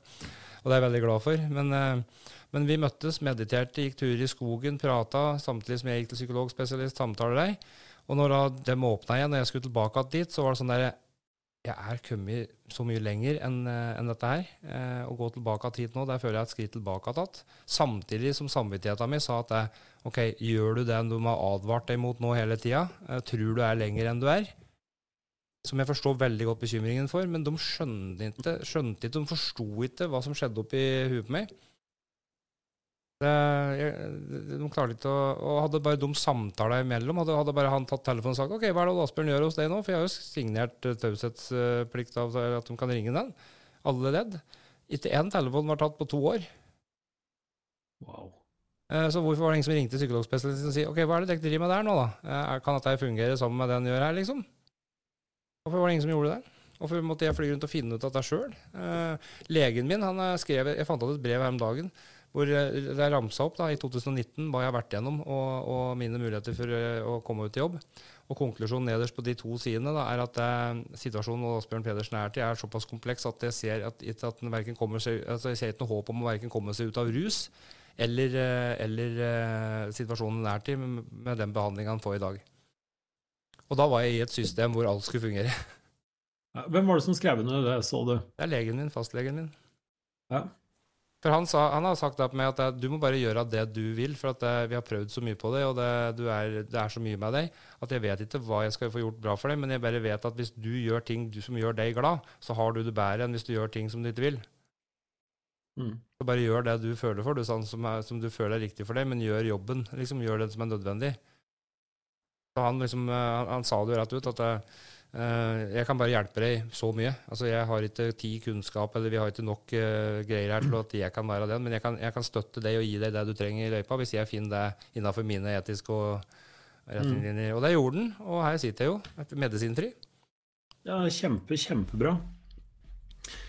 Uh, to ting som jeg tenker på når du sier det her. ene er at jeg kjenner igjen um, jeg kjenner igjen det du sier fra 2020. For da fikk jeg flere kunder som kom fra oven, holdt på å si. At jeg hadde jo en del foredrag og sånn som var booka opp, og så plutselig så forsvant jo foredragsmarkedet sånn. Mm. Og, men jeg har jobba online siden 2010. Så liksom, det var ikke noe problem å skifte over. Men da dukka opp folk som ikke fikk tilgang på de gruppene lenger. da. Som ønska oppfølging uh, i en periode. da. Mm. For dem skal noen snakke med, liksom, som, som kunne holde kjeft. liksom. Så det, var, det kjenner igjen den der. Det andre er det du sier med at du må finne noe som passer for deg. For at um, der kommer i Nav så er alt mulig. Uh, 29 var det vel, da. Og jeg kom med en sånn skikkelig brødliste til Nav Sankthanshaugen. Og de fant ut at uh, nå har alt annet vært prøvd, det funka ikke. Så kanskje skal du høre på hva jeg hadde å si. Det er noe de kanskje kunne ha gjort i utgangspunktet isteden. Mm. Ja. Men i hvert fall, det gjorde de ikke. Så resultatet ble mye bedre, for jeg fikk innvilga uh, en terapeututdannelse med sertifiseringsmoduler der. Og så fikk jeg innvilga Eller jeg kom inn på coachingstudiet på høyskolen. Og så fikk jeg eh, arbeidstrening hos ADHD Norge, som jeg nevnte forrige gang. Og så fikk jeg hospiteringsplass på det instituttet. For at uh, arbeidsevnen min, det var det ikke noe i veien med. Men uh, problemet for meg var at hvis det blei noe fritid, så kom det jo tanker og alt mulig andre spøkelser. Så jeg bare måtte okkupere meg fullstendig. Så jeg fikk innvilga alt jeg spurte om. Til, eh, liksom, til motsetning. da. Fra tidligere så var det nei til alt. Så fikk jeg innvilga alt innenfor en ramme på 150 000. Og da var det bare å brette opp erma og klemme på. Og jeg har ikke møtt noen som har hatt så mange innleggelser, og som har kommet ut av det. Mm. Og ikke minst som har jobba selvstendig da, i 10 år, 13. siden da, så det er helt klart at eh, de gjorde rett med å stole på meg. Og at jeg gjorde rett i forhold til å ta de valgene. Mm. Når jeg ser det der etterpå, eller ettertid, da, så ser jeg at eh, det som egentlig skjedde, det var at jeg fikk muligheten til å gjøre det jeg hadde lyst til. Som jeg etter hvert utvikla meg til å bli god på. Mm. Ja, For det handler, ja, for det handler ikke om å bli satt i en posisjon du mestrer, det handler om å, å utvikle deg. Absolutt. Vi tåler jo å feile, vi har gjort det hele livet. Altså, Sett oss i hvilken som helst slags situasjon, liksom. Det er Absolutt. det, men, det, men de er, jeg tror de frykter det at ok, møter han veggen nå, ikke får til dette her, så er det sitter med nåla i armen eller gatelangsatt, liksom. Ja, det er den ene. Og så den andre er at um, den her er litt lei, da, når du jobber som veileder, terapeut eller saksbehandler eller hva som helst. De du hjelper, hva skjer i deg når du sitter med en uh, figur foran deg som har større potensial enn deg sjøl? ja, den er god. Ja, men ta Kjenn litt på den der, Ja. for den der er høyst reell. Ja, det, det Når du sa det nå, så er det sånn der, ok, her sitter en sprøytenarkoman, kriminell sprøytenarkoman som har blitt knivstukket og tjohei, og han skal har en drøm han, om å kjøpe et hotell til 70 millioner. altså Her, må, vi, her må vi lande noe uh, greier og få den ned på landjorda, liksom. At, uh, hvis Ikke ta bort drømmen min, da, i hvert fall. For at um, de tankene og følelsene der Underveis i min utdannelse så har jeg hatt veiledning hele veien eksternt. Og det er helt nødvendig når du skal jobbe med folk. Du trenger veiledning. Ja, Da prater vi om var- veiledning utafor Nav-kontoret. Ja, definitivt. Ja. Jeg snakker om veiledning utafor det institusjonen eller det skolesystemet som jeg tok utdannelsen min i nå. For jeg ønska veiledning fra noen som jobba i næringslivet. Mm. Så jeg hadde begge deler, eller ikke bare begge deler, jeg hadde fra alle bauger og kanter. For da er det en del sånne småting som er verdt å tenke på. Det ene er at alle kunder er ikke for meg, og jeg er ikke for alle. Å våge å ta den der og la dybden i den der synke inn, den er viktig. Det kan du ikke gjøre som saksbehandler på Nav. Men en annen ting er også å se at ok, de som kommer, hva om den personen her har kanskje mer utdannelse? Tjener mer penger eller hva som helst? Hvis du ser på hjemmesida mi, så alle som er i det stjernegalleriet der, de er dyktigere enn meg på sine felt. Alle sammen. Men det er ikke det de kom til meg for. De ønska altså dypere på personlig utvikling. De ønska altså å få utvikla det som var inne isteden. Mm. Men sånn tenker veldig få som jobber i en del andre systemer. Men sånn må du tenke når du jobber i private. For det er helt naturlig at de som kommer, er bedre enn deg. Og sannsynligvis så tjener de hinsides mye mer òg. Og det der er noe som trigger oss mennesker, da. Mm. Og jeg husker når eh, Det var vel første, ja, første runden da når jeg på Sanderud. Ikke rus og den biten her, liksom, det er Hågen del én. Nå snakker vi om del to. Jeg hadde jo gjort alt jeg kunne for å så henge fast i en, eh, i en eh, masterutdannelse, eller som spisse lærerutdannelsen min med kommunikasjon, samhandling og relasjonsarbeid på Lillehammer, het faget. Og det varte vel en måned eller to før det bare rakna fullstendig hos meg.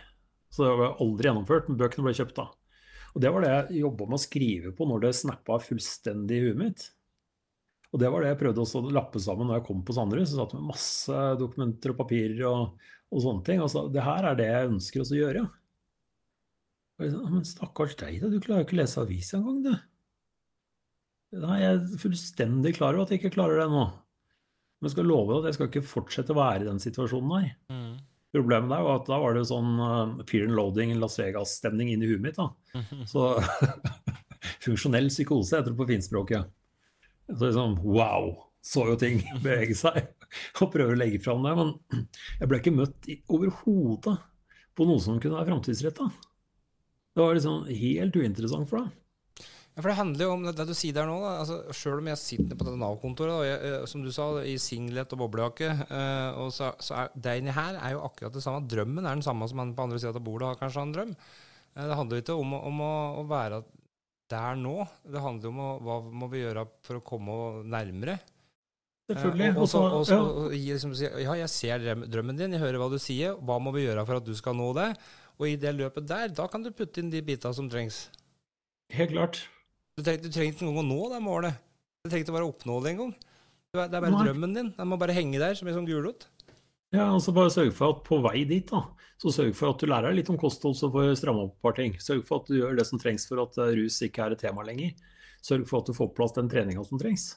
Så kanskje, kanskje, planen endrer seg, men du har i hvert fall fått på plass det grunnleggende der. Ja, for Det er også viktig å si, da, at, og nå skal jeg bruke et ord, eller et uttrykk som jeg har lært en, som jeg begynner å kjenne litt nå. at når, når, du følger drømmen din der, da, så vil du se da, at da vil andre ting ha dette på plass. For hvis du skal opp tidlig om morgenen, så, så må du kanskje begynne å trene og aktivisere litt for å, for å klare det.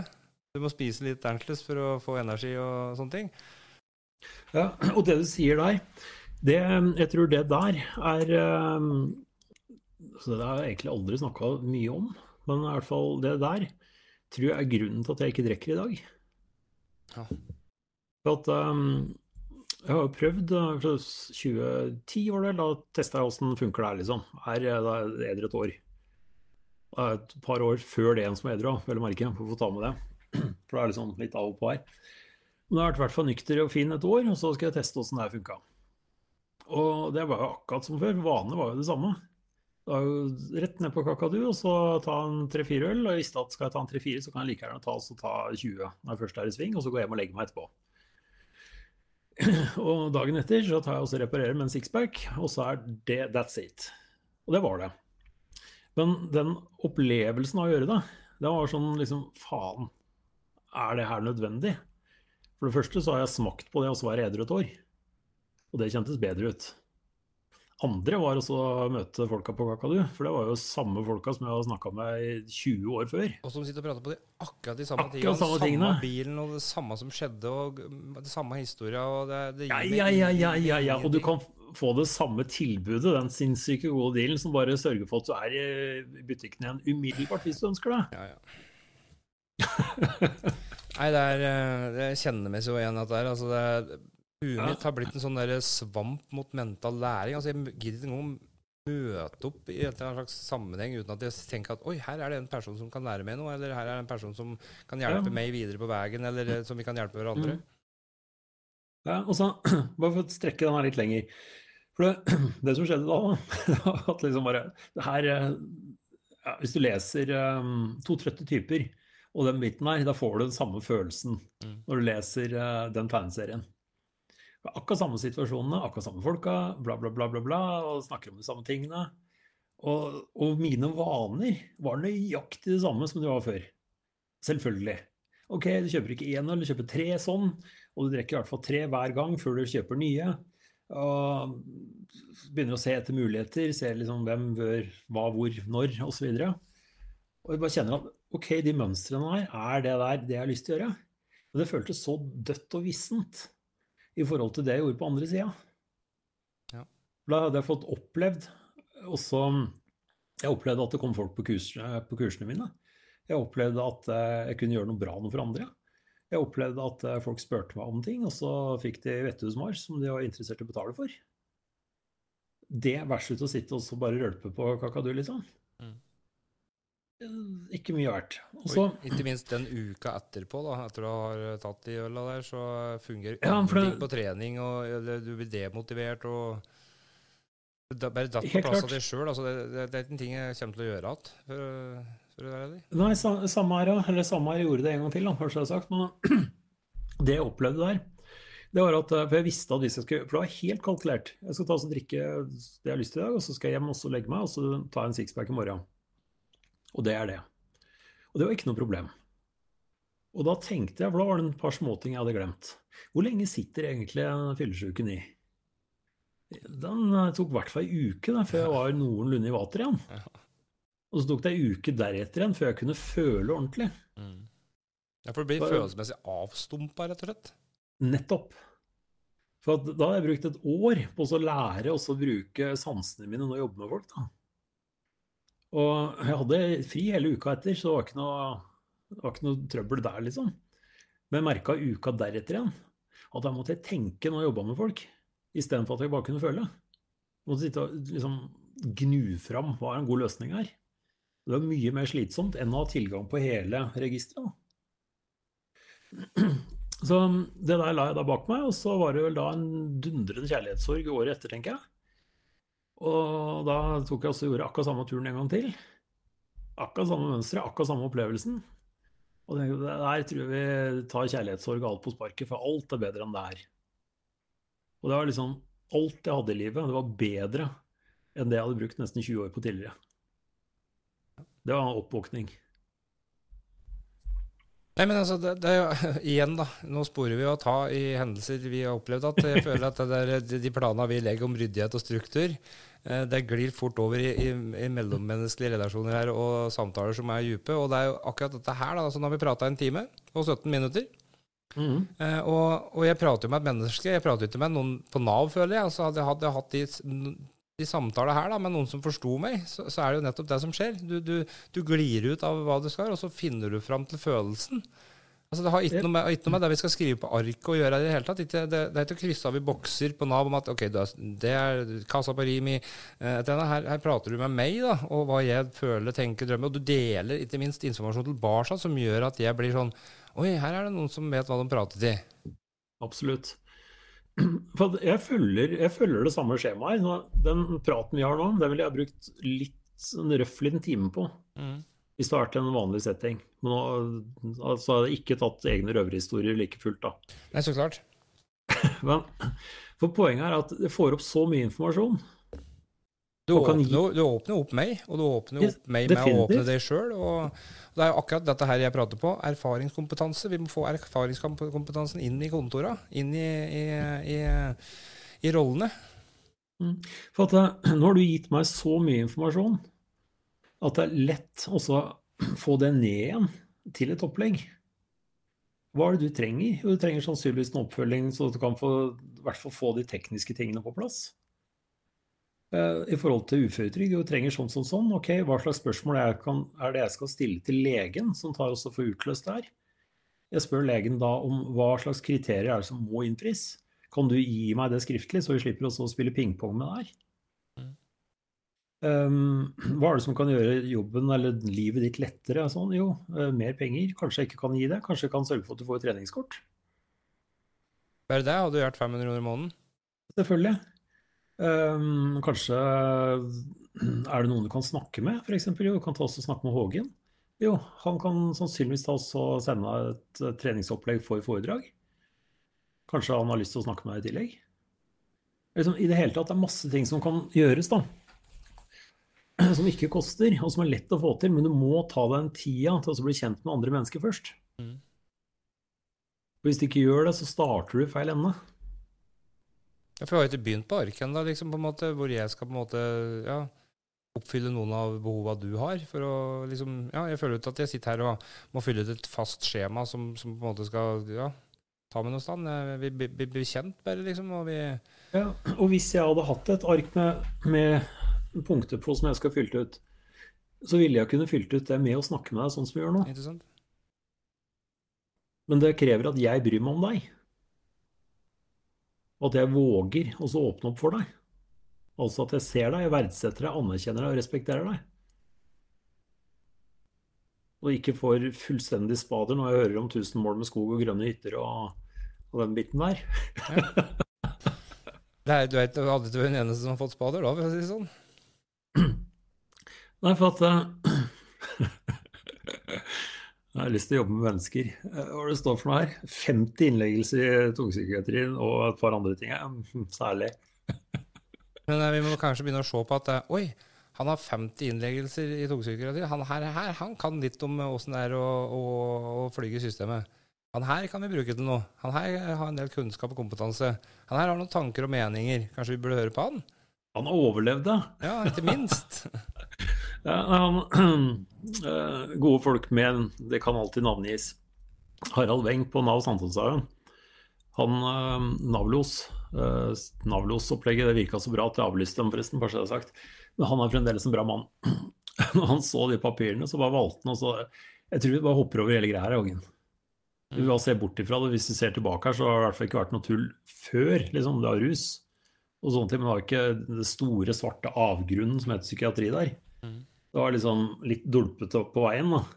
Og så kommer det et digert høl. Så hvis vi ser bort ifra det her, liksom. Hva var det du hadde ifra før, da? Kanskje vi skal da bygge på det? Det er det ingen som har spurt meg om. Nei. Du har bare sett på hva jeg ikke klarer, og så skal de prøve å finne en ting som jeg klarer. Så jeg ville ha tatt også Og en annen ting som jeg ville gjort hvis jeg var i din situasjon, andre utfordringer, samarbeidspartnere osv. Um, nevnte du ADHD? Ja. Litt usikker på den, faktisk. Det var ja. nevrologen òg, men uh... Ja, jeg er litt usikker på selve diagnosen, for den sekkebetegnelse, men eh, kunne det vært en idé også fått en nevropsykologisk funksjonsutredning? Hvis du ikke har det? Fått det. Det var tre fulle dager i Oslo uh, og fikk undersøkt alt. Vil du ha, konklu ha konklusjon? Ble det noen konklusjon på det? Ja, ja. Um, det Altså, Dette her høres jo litt ut som skryt, da, men det var nå det det var som ble sagt. Um, ja, men Det er bra det vi vil høre. Skryt er bra. Um, på selvskryt, for da kommer det fra et oppriktig, ekte sted. Jeg kom jo ut fra rehabilitering med en påse med medisiner, ja. Altså tramadol, eh, tre typer psykosemedisiner, fem gram Paracet i bunn, eh, morfin, 120 eh, milligram Ritalin depot og diverse. Uh, og etter, det, etter knivstikking og sånne ting, så var jeg òg litt traumatisk uh, og litt psykotisk i oppførselen min uh, når han som knivstakk meg, ble sluppet ut og bor rett borti gata, liksom. Så jeg hadde en del ting jeg prøvde å håndtere og balansere der, da. Så mutter'n fatter'n og søsteren var helt sikre på at ok, han har blitt hjerneskada. Altså, han prater om ting her som vi, vi klarer ikke å henge med i det hele tatt. Huet mitt var så fullt. Mm. Um, på de måned, tre månedene jeg lå på sykehus da, eh, og rehabilitering, så fikk jeg ingen samtaler med samtaleterapeut. Jeg hadde kun sykepleier som stelte sår og hjerte med og reise med så jeg skulle lære meg å gå. Ingenting, ingenting, ingenting annet. Kun medisiner. Så når jeg kom ut derifra, så var jeg avhengig av uh, morfin og alt det andre uh, som jeg da skulle trappe ned på. Uh, og i den reisa der da, så hadde vi jo rus i tillegg på toppen. At jeg sleit litt med å løse ting uten å ruse meg. Så jeg hadde noe tilbakefall. Eh, og um, um, trodde rett og slett da, at jeg var hjerneskada pga. at jeg lå i koma, for de så ikke det store bildet. Jeg hadde ikke medisinliste, jeg viste liksom. Jeg bare fikk medisiner. Langt ark med medisiner i sånne poser som jeg skulle bare skulle ha. Uh, så de trodde at medisiner gjorde meg godt. Um, og um, jeg endte jo da opp med å Uh, ble sendt ned til Oslo. Mutter'n var med meg ned til Oslo, uh, og søsteren. Uh, hvor jeg gikk gjennom alt av sånne kognitive og alt dette, det heter, intelligenstester, IQ-tester, åssen du løser problemer, husk og alt det der. Hvor de konkluderte da med at hvis, så Han sa det jo rett ut, da, han legen, at hvis du, hvis jeg hadde putta 100 stykken inn i et rom på samme alder med deg, så, så er du han sa, Da viser IQ-tester og funksjonsevner at du er smartere enn 80% av dem. Og du ligger veldig mm. høyt. Du er intelligent, snartenkt, du er løsningsorientert. Uh, men igjen, det gjør òg at diverse andre ting, da, som, uh, som, korttidsminne og hukommelse og oppfatte tekst og sånne ting, det, det er det ikke plass til på huet ditt. For det skjer så mye annet der. Uh, I tillegg så, tillegg så altså, sa han at nå har vi ikke utreda fra ADHD, men jeg syns den, den, hører ikke hjemme her i det hele tatt. Sånn, for det er ingenting som tyder på at du har ADHD. Du har et veldig overaktivt hue. Men det har mm. ingenting med ADHD å gjøre. Sånn. Det er bare at du har så mye tanker og, uh, sammen med det andre at det, vi kaller det et overaktivt hue. Når du da har øh, fylt opp sekken din, da, som du har på ryggen og nakken din, den styggen på ryggen, den begynte å bli fylt opp fra barndommen med feilmedisineringer og diverse ting som skjedde der. Uh, og den har aldri blitt åpna opp i bunn og tømt ut av. Det er bare blitt lassa og stappa i hendelser og opplevelser og ting og tang. Eh, hvor du på en måte har eh, kompensert med å være snartenkt, løsningsorientert og, og, tenkt langt fram i tid. På, altså, du møter eh, folk, og du vet nesten hva de skal si før du møter dem, for du har gått gjennom hele samtalen i huet ditt. Sånn at når de møter deg, så opplever de deg som fraværende, for at du er lenger fram i setninga og, og, og, i tid enn det de folka du møter. Og så treffer du veldig godt på de lignende de personene du møter som har ADHD. For de er nemlig oppe der en plass, de òg. Så at du, du, du, eh, er på samme frekvensen som dem. Så at du samtaler bedre med, med folk som har kraftig ADHD, eller mm. er rusa så de er høye. Da finner du greia di, og så henger du det på. Og, da, og, og da sånn at og hvis du da kombinerer det med hard rusmiddelbruk, en kriminell, kriminell atferd, så får du en som er altfor smart for sitt eget beste. Nemlig. og da uh, heiste søsteren seg fram på stolkanten og så uh, titta på legen og så sa 'Hva er det som feilen da?' Nei, det har jeg akkurat svart på, sånn. Mm. Eh, Jeg har ikke noe diagnose til altså, Han er fullt oppe og går på alle mulige måter. Det er bare at han vet ikke hvordan han skal håndtere det. For han har ikke vært det. Han har ikke lært seg de tinga fra barndommen av. Han har vært borte. Ta så Gå gjennom den utredningen, og så plukker du de tingene som du er bra på. Jeg kan sende at Dave, for jeg orker ikke. Jeg klarer, Nei, jeg orker ikke, men i hvert fall poenget der er at um, um, hvorfor jeg foreslo også å ta en sånn funksjonsutredning, da, det er jo de tingene som du sa der. Når jeg gikk gjennom dem, så så jeg noe av det samme, bortsett fra at jeg ikke kan skryte på meg å være like smart eller like rask. Men uh, det var en god del ting der som jeg var veldig god på. Skikkelig god. Helt i toppsjiktet. Og så var det en del andre ting som jeg var helt i, lav, helt i lavsjiktet på. Og med å få sortert de tingene der, så så jeg at en del av de tingene som jeg har blitt målt på gjennom skolen opp gjennom åra, det var jo de tingene jeg var dårlig på. Mm. Og de tingene jeg var god på. Som f.eks. å finne ut ting ut av store sammenhenger, finne essensen i tekst. Eller ja, lage ting. Ikke fysisk, vel å merke, men dra ut ting. Og så finne feilsøking og alt sånne ting. Og dritgod på. Rettskriving, not so much. Matematikk, om mulig enda verre.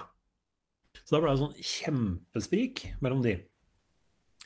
Men jeg så at når jeg så der, så så jeg at hvis jeg skal ha muligheten til å ha et godt liv, så er jeg nødt til å bare få vekk alt av det som ikke funker. Og så gjøre mer av det jeg er god på, og det jeg liker. Mm. Og det er stort sett det jeg har gjort i 13 år. Jeg prøvde meg litt som regnskapsfører òg, for meg sjøl. Eh, ikke lurt. For det var liksom Det er ikke bra. Men med at du får oversikt over de tingene der, da ser du at eh, det som er bra, det skal du anerkjenne. Mm.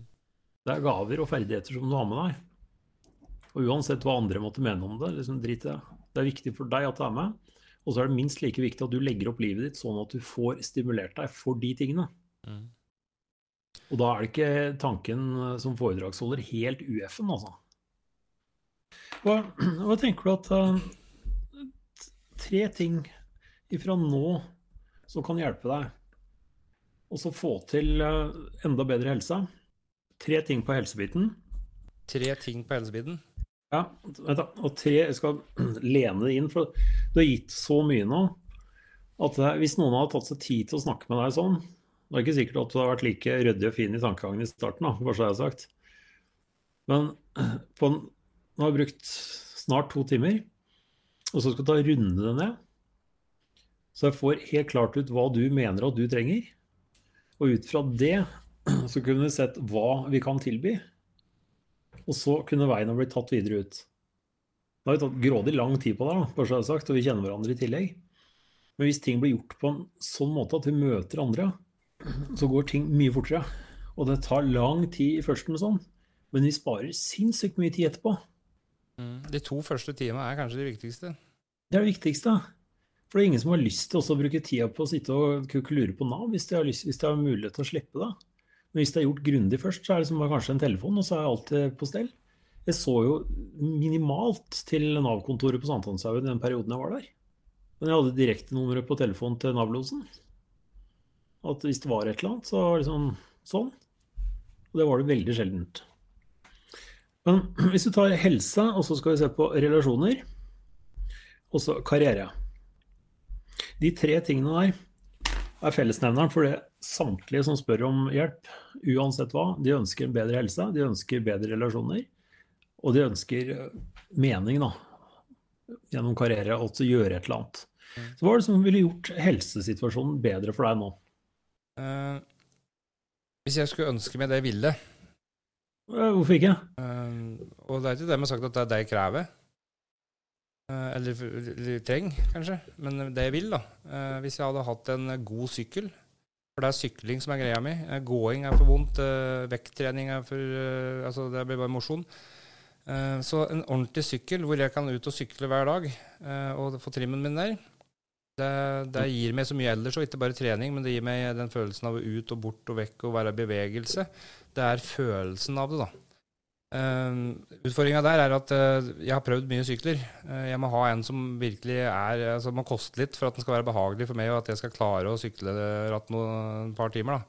Mm. Så, men eh, men, eh, men det, kan, det kan ordnes, på en måte. Det vet jeg. Jeg har prøvd og testa og, og sånne ting. Og sykla jo Birken før jeg fikk utmattelsessyndrom. Men etter det utmattelsessyndromet så merker jeg at det, det er ikke samme standarden på, på innsatsen. Nei, skjønner. Ja, så, men en ordentlig sykkel som, på en måte, ja, som, som står der, det hadde vært uh, kult. Um, og faktisk, faktisk hatt uh, råd til de naturmedisinene som gjør at jeg klarer å gå ut til den sykkelen og, og gjøre dette hver dag. Uh, det handler liksom om en 3000-4000, kanskje 5 da, hvis jeg skal ha alt jeg på en måte føler jeg trenger, liksom, av riktig mat. For at tarmen min altså, Etter den testen så fant vi ut at jeg, jeg, jeg spiser grønnsaker hver dag. Ja, men kroppen din tar opp fire erter, sa du. Altså, vi har testa tarmen din nå, så det er ikke noe vits at du spiser en hel bolle med, med grønnsaker. For kroppen din bruker masse energi på å prosessere ting som ikke tas opp i kroppen. Så her må vi gå helt tilbake til basic. Eh, og hva er det du spiser til frokost? Havregryn. Det gjør deg trøtt og sliten og kjei. Eh, så det skal du ikke ha. Men du skal ha to spiseskjeer havregryn hver dag i, i, i, den økologiske og yoghurten din. Liksom. Du skal rense kroppen din for alle sånne ting som du ikke trenger å jobbe med hvis du ikke trenger det. Og dette har jeg gjort i noen måneder, så dette vet jeg jo at funker.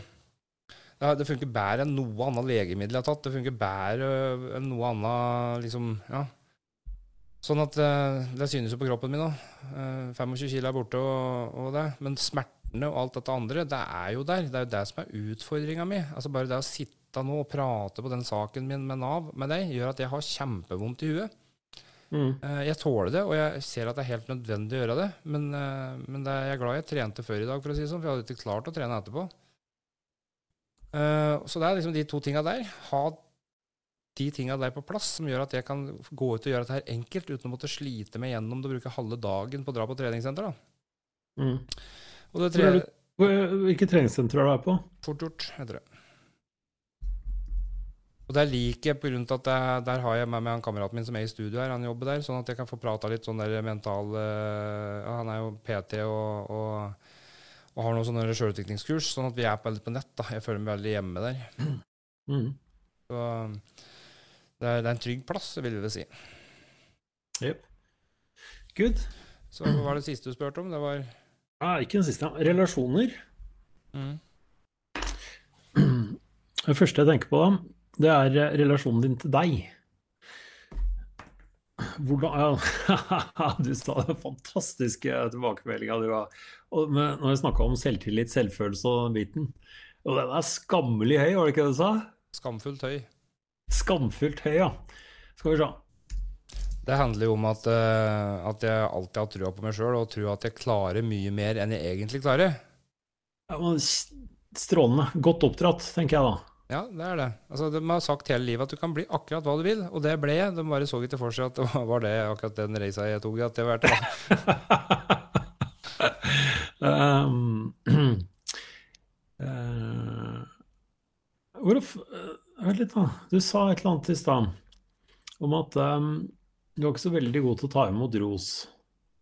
Jeg, er veldig god i forhold til det jeg var, da. Ja. Hvis du sier til deg sjøl at uh, jeg er en fin fyr, åssen kjennes det ut? Jeg har vært gjennom eh, sjølutviklingskurs med Tony Robins. Jeg har ikke noe problem med å stå hver morgen, og det gjør jeg òg. Og jeg har en sånn mm. derre eh, sånn der, Jeg er så glad, som jeg sier hver dag, hver morgen og kveld. Jeg er så glad, og jeg er så takknemlig for at jeg har klart å gjøre måneds, eh, årsinntekta mi til månedsinntekta mi. På den måten har jeg kunnet finansiert kjøpet av Høstbyrotellet. Så nå lever jeg, jobber og bor der sammen med mine nærmeste. Vi dyrker all mat sjøl og er økologiske. Vi har 40 tiny houses i Hamp, som er fabrikkert i vår egen hampfabrikk i Brumunddal. Jeg er lykkelig, rik, sunn og frisk. Kjempebra. Hvis du sier 'jeg liker meg' i tillegg, hvordan kjennes det ut? Ja, det er ikke noe problem. Jeg gjør det. Jeg syns jeg er en jævla fin fyr, og jeg vet at jeg er en god person. Og, men jeg, det er jo et resultat av de åra jeg jobba fram til i dag, da. Eh, det var jo ikke sånn at det, Kjempebra. Da er den biten her på stell. For det der, for de som lytter Så en liten øvelse, du trenger ikke ta hele runden din der. Men um, starte med en liten tur foran speilet, og så se seg sjøl i øya og si 'jeg liker meg'. Og så se den responsen du får fra deg sjøl. 'Jeg liker meg'. Og så hvis du har lyst til å dra på litt, 'jeg elsker meg'. Jeg har ikke noe problem med å si det. Nei, jeg veit at du ikke har det. Men jeg veit at veldig mange som hører på deg, kommer til å ha kjempeproblemer med det. Mm, jeg hadde jo det, jo. Ja. Men hvis det vi ikke liker oss sjøl, åssen i all verden skal vi da forvente at noen andre skal tro på? At vi sier 'ja, men jeg liker deg, jeg elsker deg'. Ja, særlig. For du, må ha plass til den sjøl.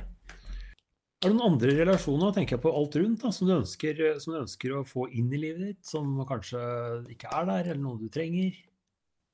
Noen du ønsker å bli kjent med? Eh, tips som jeg ga deg, for en ting som jeg tenkte på, du sa at å, du er mentoren og alt sånne ting. Så altså sorter veldig nøye hvem du har som mentorer, og hvem du har som frentorer. Mm. Jeg mener at det bør være en sunn utvikling. For ellers så holder du deg tilbake med å se å, opp sånn. Vi er alle mennesker uansett. Ja, altså Det er forskjell på å, å se opp til noen, eller uh, Altså, jeg skjønner hva du mener. Uh, altså, du, du, lærte jo med det uttrykket 'friend-tour'. Yep. Uh, og du, du begrunna det såpass bra, så, sånn at jeg skjønte godt hva du mente. Ja, For det skal være en utveksling. Det skal mm. gå begge veier. Ja. Ellers så gjør vi oss mindre enn det vi er. Og det er ikke bra. Men jeg, men jeg, jeg er veldig stolt av meg sjøl og jobben jeg har gjort. Eh, jeg føler, jeg føler bare ikke at jeg, jeg, jeg er også veldig sånn der Jeg trenger ikke så mye skryt over for jeg er så riv gæren klar over det, på en måte. At, at det er sånn der Ja, ja, du får lov til å skryte litt av meg og klappe meg på skuldra. Jeg syns det er koselig. Jeg syns det er hyggelig når uh, Gründerparken ringer, ringer, til meg, sånn som i dag, og, og sier at jeg i dag hørte jeg noe, noen prata på det, og de er så imponerte. Og da tar liksom Anita nevene på skuldra mi, liksom, og så bare stryker meg på ryggen. Og jeg ser jo stoltheten i øynene hennes. Så, jeg, så jeg, jeg, tar det til meg. Jeg føler det når jeg prater på det nå. Uh, men det er litt sånn der, jeg har ikke så stort behov for å høre det på en måte av alle. Det er sånn der, Nei, men bare at du tar det inn så at det går inn. Jeg fortalte, fortalte treneren min om eh, jeg skulle intervjue med Eller skal snakke på en podkast etterpå, og han lurte på åssen det var og sånne ting. Og her i England så er det sånn Her er det mye knivstikking, jo. Ja. Ikke akkurat i Harrogate her jeg bor, men rundt her så har vi en del byer og sånn, så liksom bare Wow. Kom han seg etter de greiene der? For det, det, er ikke vanlig. Det er høyst uvanlig, så du har gjort en kjempereise der. Og måten du har håndtert og takla på sånn, det jo helt strålende. Men jeg vil at Du trenger ikke ta, ta det med meg akkurat nå, men jeg vil at du skal ta og sette opp en liste over hvem er det flere du ønsker å ha inn i livet ditt relasjoner til. Som du ønsker å samarbeide med, f.eks. Som kan hjelpe deg, som, kan, som, du kan hjelpe, ikke minst. For når vi tenker på relasjoner her ene er de nærmeste. Men det andre er hvem er det vi har rundt oss? For det er viktig at du har noe å strekke deg etter. Noen som er litt lengre i løypa. Mm.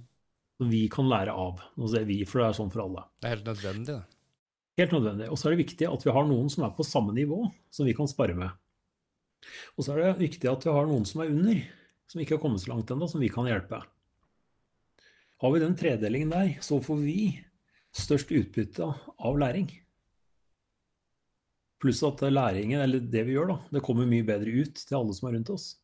Mm. For det er noen vi hjelper opp, vi har noen å spare med, som gjør at vi blir bedre. Og så har vi noen å lære ifra, som vi strekker oss etter. Pluss at det er også veldig preventivt i forhold til å tenke at jeg er best, eller at uh, kan ikke hjelpe eller kan ikke samarbeide med, for noen har kanskje større potensial enn meg, eller et eller annet sånt noe. Men sørge for at det er folk rundt deg som er mye bedre enn deg. Sørge for at det er folk rundt deg som du kan spare med, og sørge for at det er noen som du hjelper opp. Jeg hadde jo drømmevegg, eh, som du fortsatt mm. henger bilde av det hotellet på, og, og drømmebilen min og de tinga jeg mangler nå. Men uh, jeg har tatt ned navnet Larman, jeg har tatt ned navnet ditt. Jeg har tatt ned mange navn som jeg hadde for tre-to år siden. Som jeg har liksom sagt uh, både til Anita og familien min, at, uh, og Mikael Winger, ikke minst. altså Jeg bare fortalte høyt til familien min, og de flirer jo av meg. Altså jeg skal bli bestevenn med Mikael Winger fra Åndes makt. Jeg ser for at jeg, Han har noe jeg trenger, og så tror jeg at jeg, jeg føler at han trenger en prat med meg. Eh, så sa jeg det samme om, eh, om Arman òg, at jeg, det er en fyr jeg, kan, eh, kan, connecte med. Her er det en som, som, som, jeg tror på en måte er riktig for meg, da, og som jeg tror at jeg, han kan se nytta i meg og reisa mi i sitt arbeid. Og Det samme med deg òg. Jeg er så glad for at du takka ja til Kjell Torstein til å komme opp og bli sett-konferansen.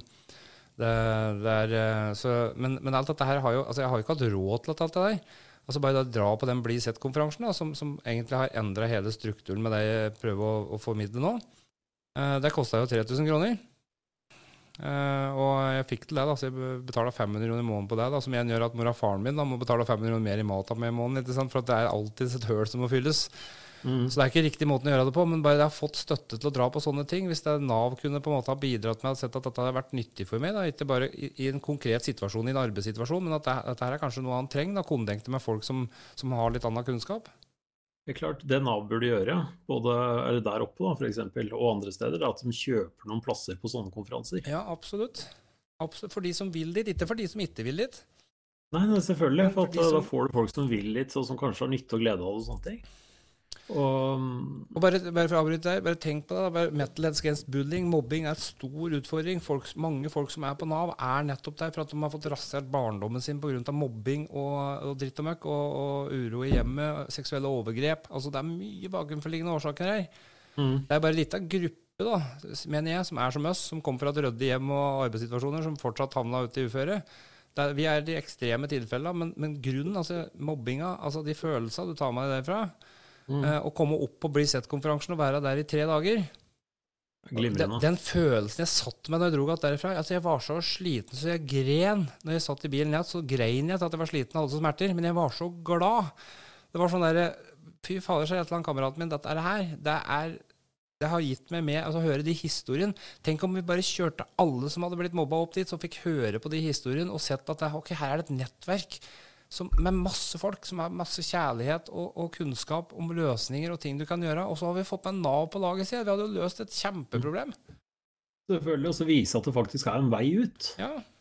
Det er ikke bare et sånt foredrag, motivasjonsforedrag. Her er det ekte historier med løsninger. Og politiet og, og kommunene fra Gol var jo i sofaen sammen med deg der og ble litt utfordra. Det er sånn der, jeg følte at her er, her er vi mange mot, mot offentligheten. Og, og så prøv, vi er ikke mot dem, men vi skal prøve å få med dem. Altså, er det mange, er mange sammen for. ja. For at, ja, for at eh, det du sier der òg, det er at um, jeg har aldri holdt et inspirasjon- eller motivasjonsforedrag. Jeg har ikke noe trua på. Nei, ikke heller. Eh, Du kommer til å se forskjellen når jeg sender deg de, de greiene. For at det handler om informasjonsforedrag, det handler om inspirasjon, det handler om motivasjon, og det handler om transformasjon.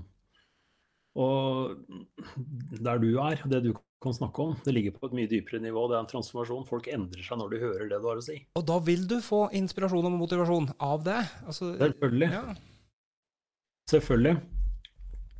Så sånn som vi har snakka nå Jeg kan ta også, eller jeg har jo sendt deg de, de punktene som vi har gått gjennom nå. De har vi gått gjennom gjennom å snakke sammen. ja, Har du fått svart på alt? Ja. Ta en kjapp oppsummering, da, bare så vi har på det rene. Hva du vil ha på en måte Ja. Det vi har snakka om, hvis du skal se det er veldig tørt og kjedelig, da, Mm. var helhetsbildet av situasjonen. For det er veldig viktig, også stikkord til meg, da. Ikke gjør noe før du har oversikt. Mm. Det er liksom punkt én. Hva er helhetsbildet? Hvor er den vi skal hjelpe, og de som hjelper i dag, og hvor ønsker vi å bevege oss sammen?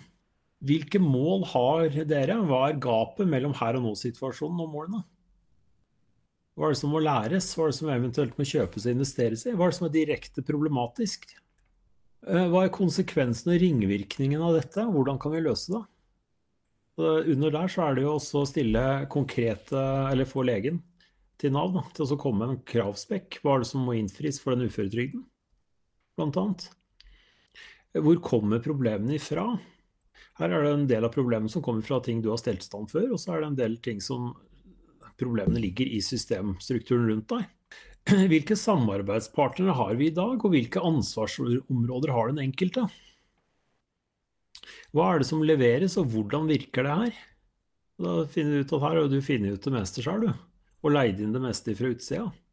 Um, hvorfor bruker vi den og den løsningen, samarbeidspartneren? Er, du har jo ikke noe valg, dessverre, på en del av det. Mm. Hadde du hatt valgmuligheter i forhold til Nav og helse, så hadde du kanskje gjort noe annet. Hvilke samarbeidspartnere trenger vi?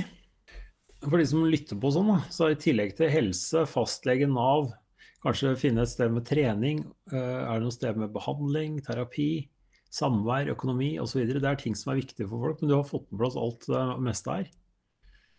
Og hva er målsetningen din nå, i år, neste tre år og fem år framover? Alt det her har du snakka om. Hva er strategien, og hvem gjør hva, hvor og når? Den har vi ikke lagt opp helt klart. Men nå har vi alt vi trenger for også å kunne gjøre det. Mm.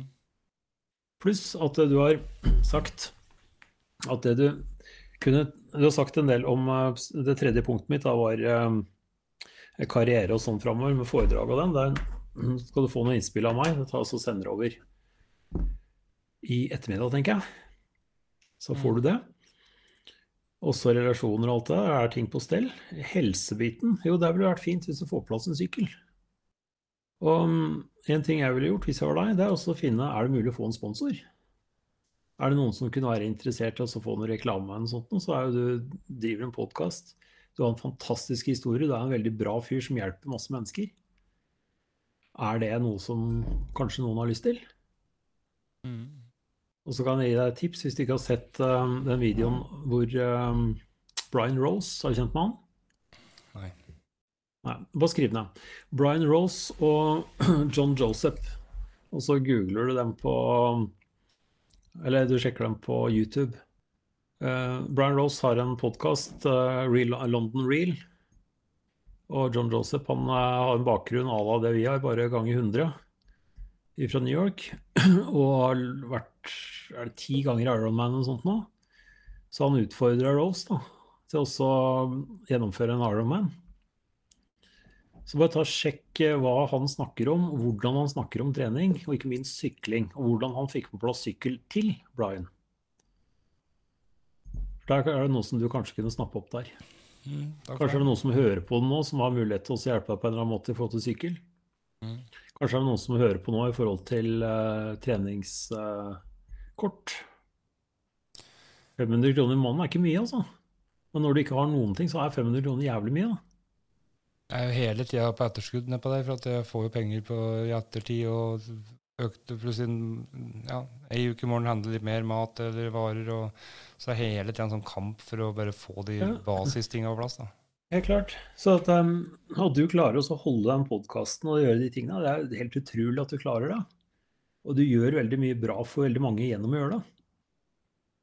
Ja, det er, og det, er liksom, det, det, jeg kjenner på nå, da, er litt den frykten for For at jeg, jeg, jeg får ofte høre av mutter'n og de som kjenner meg, at jeg, jeg virker mye mer eh, ressurssterk da, eh, enn jeg er. For at jeg, når jeg sitter her nå, så renner svetta nedover ryggen på meg. Mm. Eh, jeg begynner å bli litt sånn i øya og sliten og kjenne det, at jeg har ikke energi. Ja. Og, og, og, det, og, det, er ikke noe problem, for det er ikke noe farlig. ikke sant? Jeg ser fargen i ansiktet mitt, jeg blir litt ildrød. For at det koster så mye. Dette her, og dette her, for at dette her, dagen her, er, dette her er de dager jeg er vant til. Når jeg prata med deg sist, så hadde jeg en meget god dag. og det ble alt klaffa. Det er den ene dagen som bare gjør at det er verdt å fortsette med det. For du bare vet at den kommer igjen. Ja, det var jo helt rå levering da, fra deg der. Også, liksom vi hadde jo noen kaffepauser og noen tissepauser og alt sånne ting, så det var jo ikke at vi satt sånn konstant, men allikevel at jeg klarte å gjennomføre det, det er jo bare helt utrolig. Og, det er fantastisk. Men, men, eh, det, men det, det, ser, det er hva som skjedde etterpå. Eh, det, de to dager etterpå da, som, måte, som, jeg måtte være helt for meg sjøl, som eh, Anita ikke når inn til meg. Vi har ikke de gode samtaler. Og, og at jeg må gå ned til studio og sette meg her og bare meditere og være for meg sjøl og klikke litt på PC-en og, og, sånne ting. Det ser dere ikke. Ikke sant?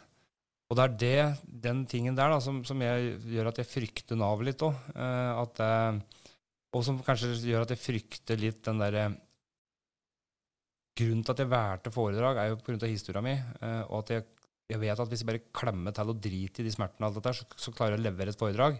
Men det koster meg så mye at resten av uka må planlegges både i forkant og etterkant. Eh, hvis jeg skal reise en plass, sitte på tog i to timer, bare det, altså, da er jeg sliten når jeg kommer fram. Jeg klarer å holde et foredrag da. Altså det, det, er så mye da, som er sånne ting. sånn at jeg, jeg tenker at det, vi, må, vi, må, være realistiske her òg. Eh, men jeg tenker med, det jeg har lært da, Jeg har reist til Trondheim for å, for å, for å besøke Arman. Eh, og, og, og, da tok vi en podkast oppi der. Eh, og det, å sitte på toget og opp dit og sånn, det, det, skjer ikke alt, for å si det sånn. For jeg, jeg måtte ha en dag å komme meg opp på. Han måtte legge meg inn på et hotell oppi der. For jeg, jeg, klarte ikke å sitte oppreist engang.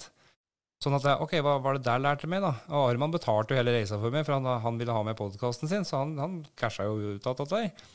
Uh, og da føler jeg at jeg, ok, jeg må jo levere litt her òg. Men, uh, men, det jeg skulle fram til, da, var at ok, hva lærte jeg da? Jo, hvis jeg skal dra på et foredrag litt unna, så har jeg nødt til å ha tre dager. Det er ikke snakk om én dag. Jeg er nødt til å ha en dag å reise på, og så er jeg nødt til å ha en dag å lande på, hvor jeg skal ha foredraget den dagen. Så jeg våkner uthvilt jeg er i seng og har, har alt klart.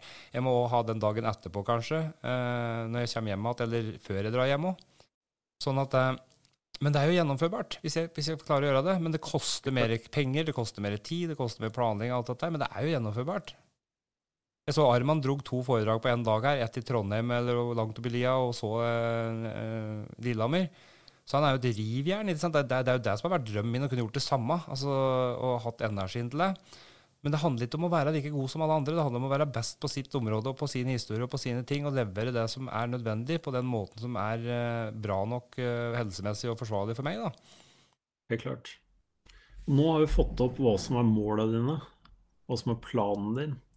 Nå handler det om å legge til rette sånn at det blir en realitet. Ja, men Jeg er jo livredd for å sitte og prate på dette her nå. Altså, nesten så Skal jeg legge ut denne podkasten før de har fått tatt en avgjørelse på om jeg skal gi meg uføretrygd? For eh, hvis noen av dem hører dette her, det kan jo være at det er nettopp den podkasten her som gjør at de ser deg. Ja, men jeg er villig til å gamble uføretrygden min på det, liksom. Altså, det er, det er så skummelt. Jeg, jeg, altså, det er ikke sikkert de gjør det. For det her handler jo om drømmer. Det handler faktisk ikke om hva jeg får til. Altså, det, det, handler jo faktisk om hva drømmene mine er. Så det er jo det som er mm. grunnen her, eller grunnlaget her. Men jeg, ja, jeg vet ikke. Det er, det er veldig vondt system. Det er et system jeg føler på, jeg er både redd og, og er avhengig av på samme tida. Mm. Sånn er det for veldig mange. Men jeg tror at også, eh, altså jeg har vært så mye skitt ellers i livet, da, så jeg har bare lyst til å bare rive ut denne podkasten og bare si altså, at det her er sånn det er. at det har jeg prøvd å fortelle i så mange år, liksom, og dette her kunne vært løsbart på en veldig enkel måte for lenge siden, men nå er lufta ute av ballongen, og her handler det om å få inn såpass luft at den reiser seg igjen. Liksom. Og ikke, ta, og ikke ta bort flere ting nå, vær så snill. Nei, jeg tenker at uh, det her er det som skal til for oss å få det på rett stell. Ja, jeg, jeg, håper det, da. Um, for hvis jeg på en måte, jeg har sett for meg da, hvis jeg ikke får den uføretrygden nå, hva da? Uh, da har jeg tenkt at vet du hva, da går jeg rett på sosialstønad, jeg. Og så blir jeg psykiatrisk pasient. Eh, da betaler de strømregninga mi, de betaler husleia mi, de betaler alt. Og så sitter jeg med en porsjon penger til overs, og så bare driter jeg i den gjelda, og så er jeg bare sosialklient resten av livet. Dårlig alternativ, men jeg kjenner um, Jeg kjenner problemstillingen. Uh, jeg fikk uh, yrkesretta, hva det de klarte å kalle det, med litt viking. Og den var mindre enn sosialstønad. Og um, løsningen var, for å få det her til å gå rundt, da, så var det jo nettopp også holde foredrag. Og så trekke fra på dagpenger den timen eller de to timene som jeg holdt foredrag. Og for all del ikke, ikke regne planlegging for å få det her til å gå opp, liksom. Og så at jeg hadde jo en sånn uh, I avklaringsplanen min så var det jo at jeg skulle drive sjøl. Så jeg hadde det skriftlig, liksom. Så jeg slapp noe av den biten. Men jeg kjenner den problemstillingen der. Og Det handler ikke bare om at jeg, hvis jeg får det jeg trenger nå av dem Hvis de hadde spytta til 100 000, eller si de hadde gitt meg de 150 000 du fikk, da, og sagt eh, betal Hågen for å lære deg eh, foredragsholdning og kurs og få litt mental eh, veiledning og sånne ting der, personlig utvikling, og, og bruk han som en frentor, mentor, et eller annet. Og, og da er jeg sånn derre Ja, det, det, det, er greit, men vi må fortsatt huske på at dette her tar tid. Det er ikke sånn at hvis jeg får de tinga der, så er jeg foredragsholder i morgen.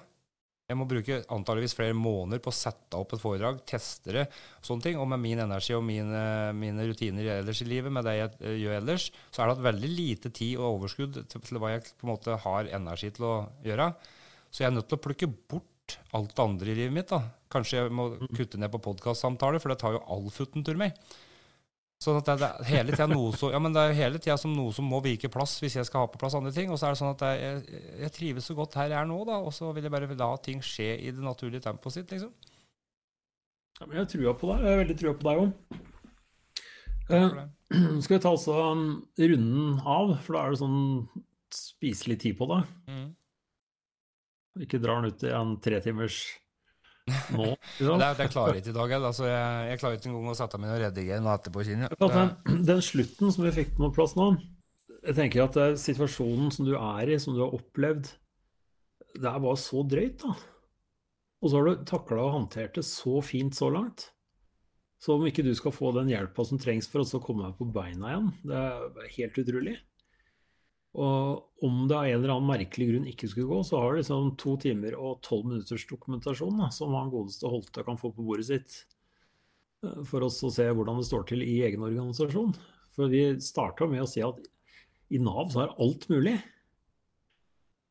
Og jeg velger å tro at det faktisk er mulig å få til det aller meste der òg. Ja, det, er ikke, noe usant i den uttalelsen der, hvis du, bare, hvis, du, hvis du bare vil. Nå, ikke bare vi vil, men at alle må ville. Ja, det er det jeg mener. Altså, bare, bare vi vil, altså alle. Vi, alle. ja.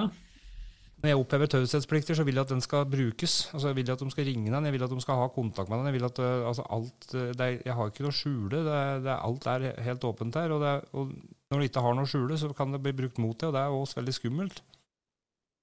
Ja, jeg ser den. Vi satser på at det går. Og så um, ja, hva skal jeg si på det? Jeg kan ikke forstå noe annet enn at det skal funke. Nei, og det skal også sies, og det, det Vi trenger å ta med dette her i det, men det skal også sies at det ligger en del ting i den saken her da, som advokatene mine har sett på, som har sagt at det, det, det er andre veier du kunne ha gått her sånn, for å få ting på sted som du har krav på. Uh, som da er Åssen uh, ting har blitt håndtert i, i racet her, liksom. Men jeg er ikke mm. interessert i å bruke energi på det. Jeg vil bare løse det. Altså, jeg, jeg, vil at vi bare setter stor kryss over det, og så er de saksbehandlingsfeila og de tinga som har skjedd i, i det løpet her, da. Uh, det er jeg villig til å bare forkaste hele greia. Uh, og det kommer jeg til å gjøre uansett. Også. Om de går imot meg nå, så kommer jeg til å gå tilbake på det en gang ikke sant? og prøve å, å fucke til noe. Jeg er ferdig med dette greiene her. Mm. Nei, men det der det støtter jeg 100 i. Det var um for meg så var det helt nødvendig å si slipp på en haug av de greiene der. Jeg hadde en sak som ble tatt gjennom uh, feilmedisinering og ikke minst oversoning og en haug med dårlige ting fra Nav Åler. Og saken gikk helt opp til Høyesterett. Men da mister du jo selvfølgelig frihetshjelp når du kommer dit opp. Uh, og i Høyesterett så det er sånn Hva jeg tenker om det, det er jo at uh, når saken først kommer til Høyesterett, da kan ikke dommere i de lavere nivåene sitte og finne opp. De må jo finne opp lover sjøl lenger. Og da forsvinner eh, fri rettshjelp, så da står du liksom naken allikevel. Så istedenfor å ta den videre der For advokaten min han tok også og spurte hva gjør vi nå, liksom? Ønsker du å ta det videre? Liksom, du har sannsynligvis rett. Sjansen for at du får gjennomslag på det her, den er lik null. Fordi at staten har all tid og alt som trengs av ressurser til å fortsette der. Og du har sannsynligvis ikke det. Men ta deg helga til å tenke over det her, Menten. Og så tok meg et kvarter på sofaen. Og da bare kjente jeg, vil jeg Hva er det viktigst? Å ha det bra? Eller å ha rett? Liksom, mm. rett, ha det bra. Ok, jeg kan faktisk gjøre begge deler, men jeg trenger ikke kjempe for det, for jeg veit at jeg, jeg veit hva som skjedde, og jeg veit hva som ikke skjedde. Så innsikten her kom i løpet av et kvarter på sofaen. Dagen etter så rydda jeg ut alt av papirer og ræl fra boden. Kasta alt sammen. Ferdig med den biten. Og når jeg kom opp på gården til jul, så tok jeg altså brant opp to Ikea-esker med dokumentasjoner fra sykehuset i tillegg. Det er, en, det, er, det er, en, kraftig handling med tanke på reisa di, altså, når du klarer å gjøre det. For det må ligge noen seriøse tanker rundt eh, rettferdighet og sånn bak her.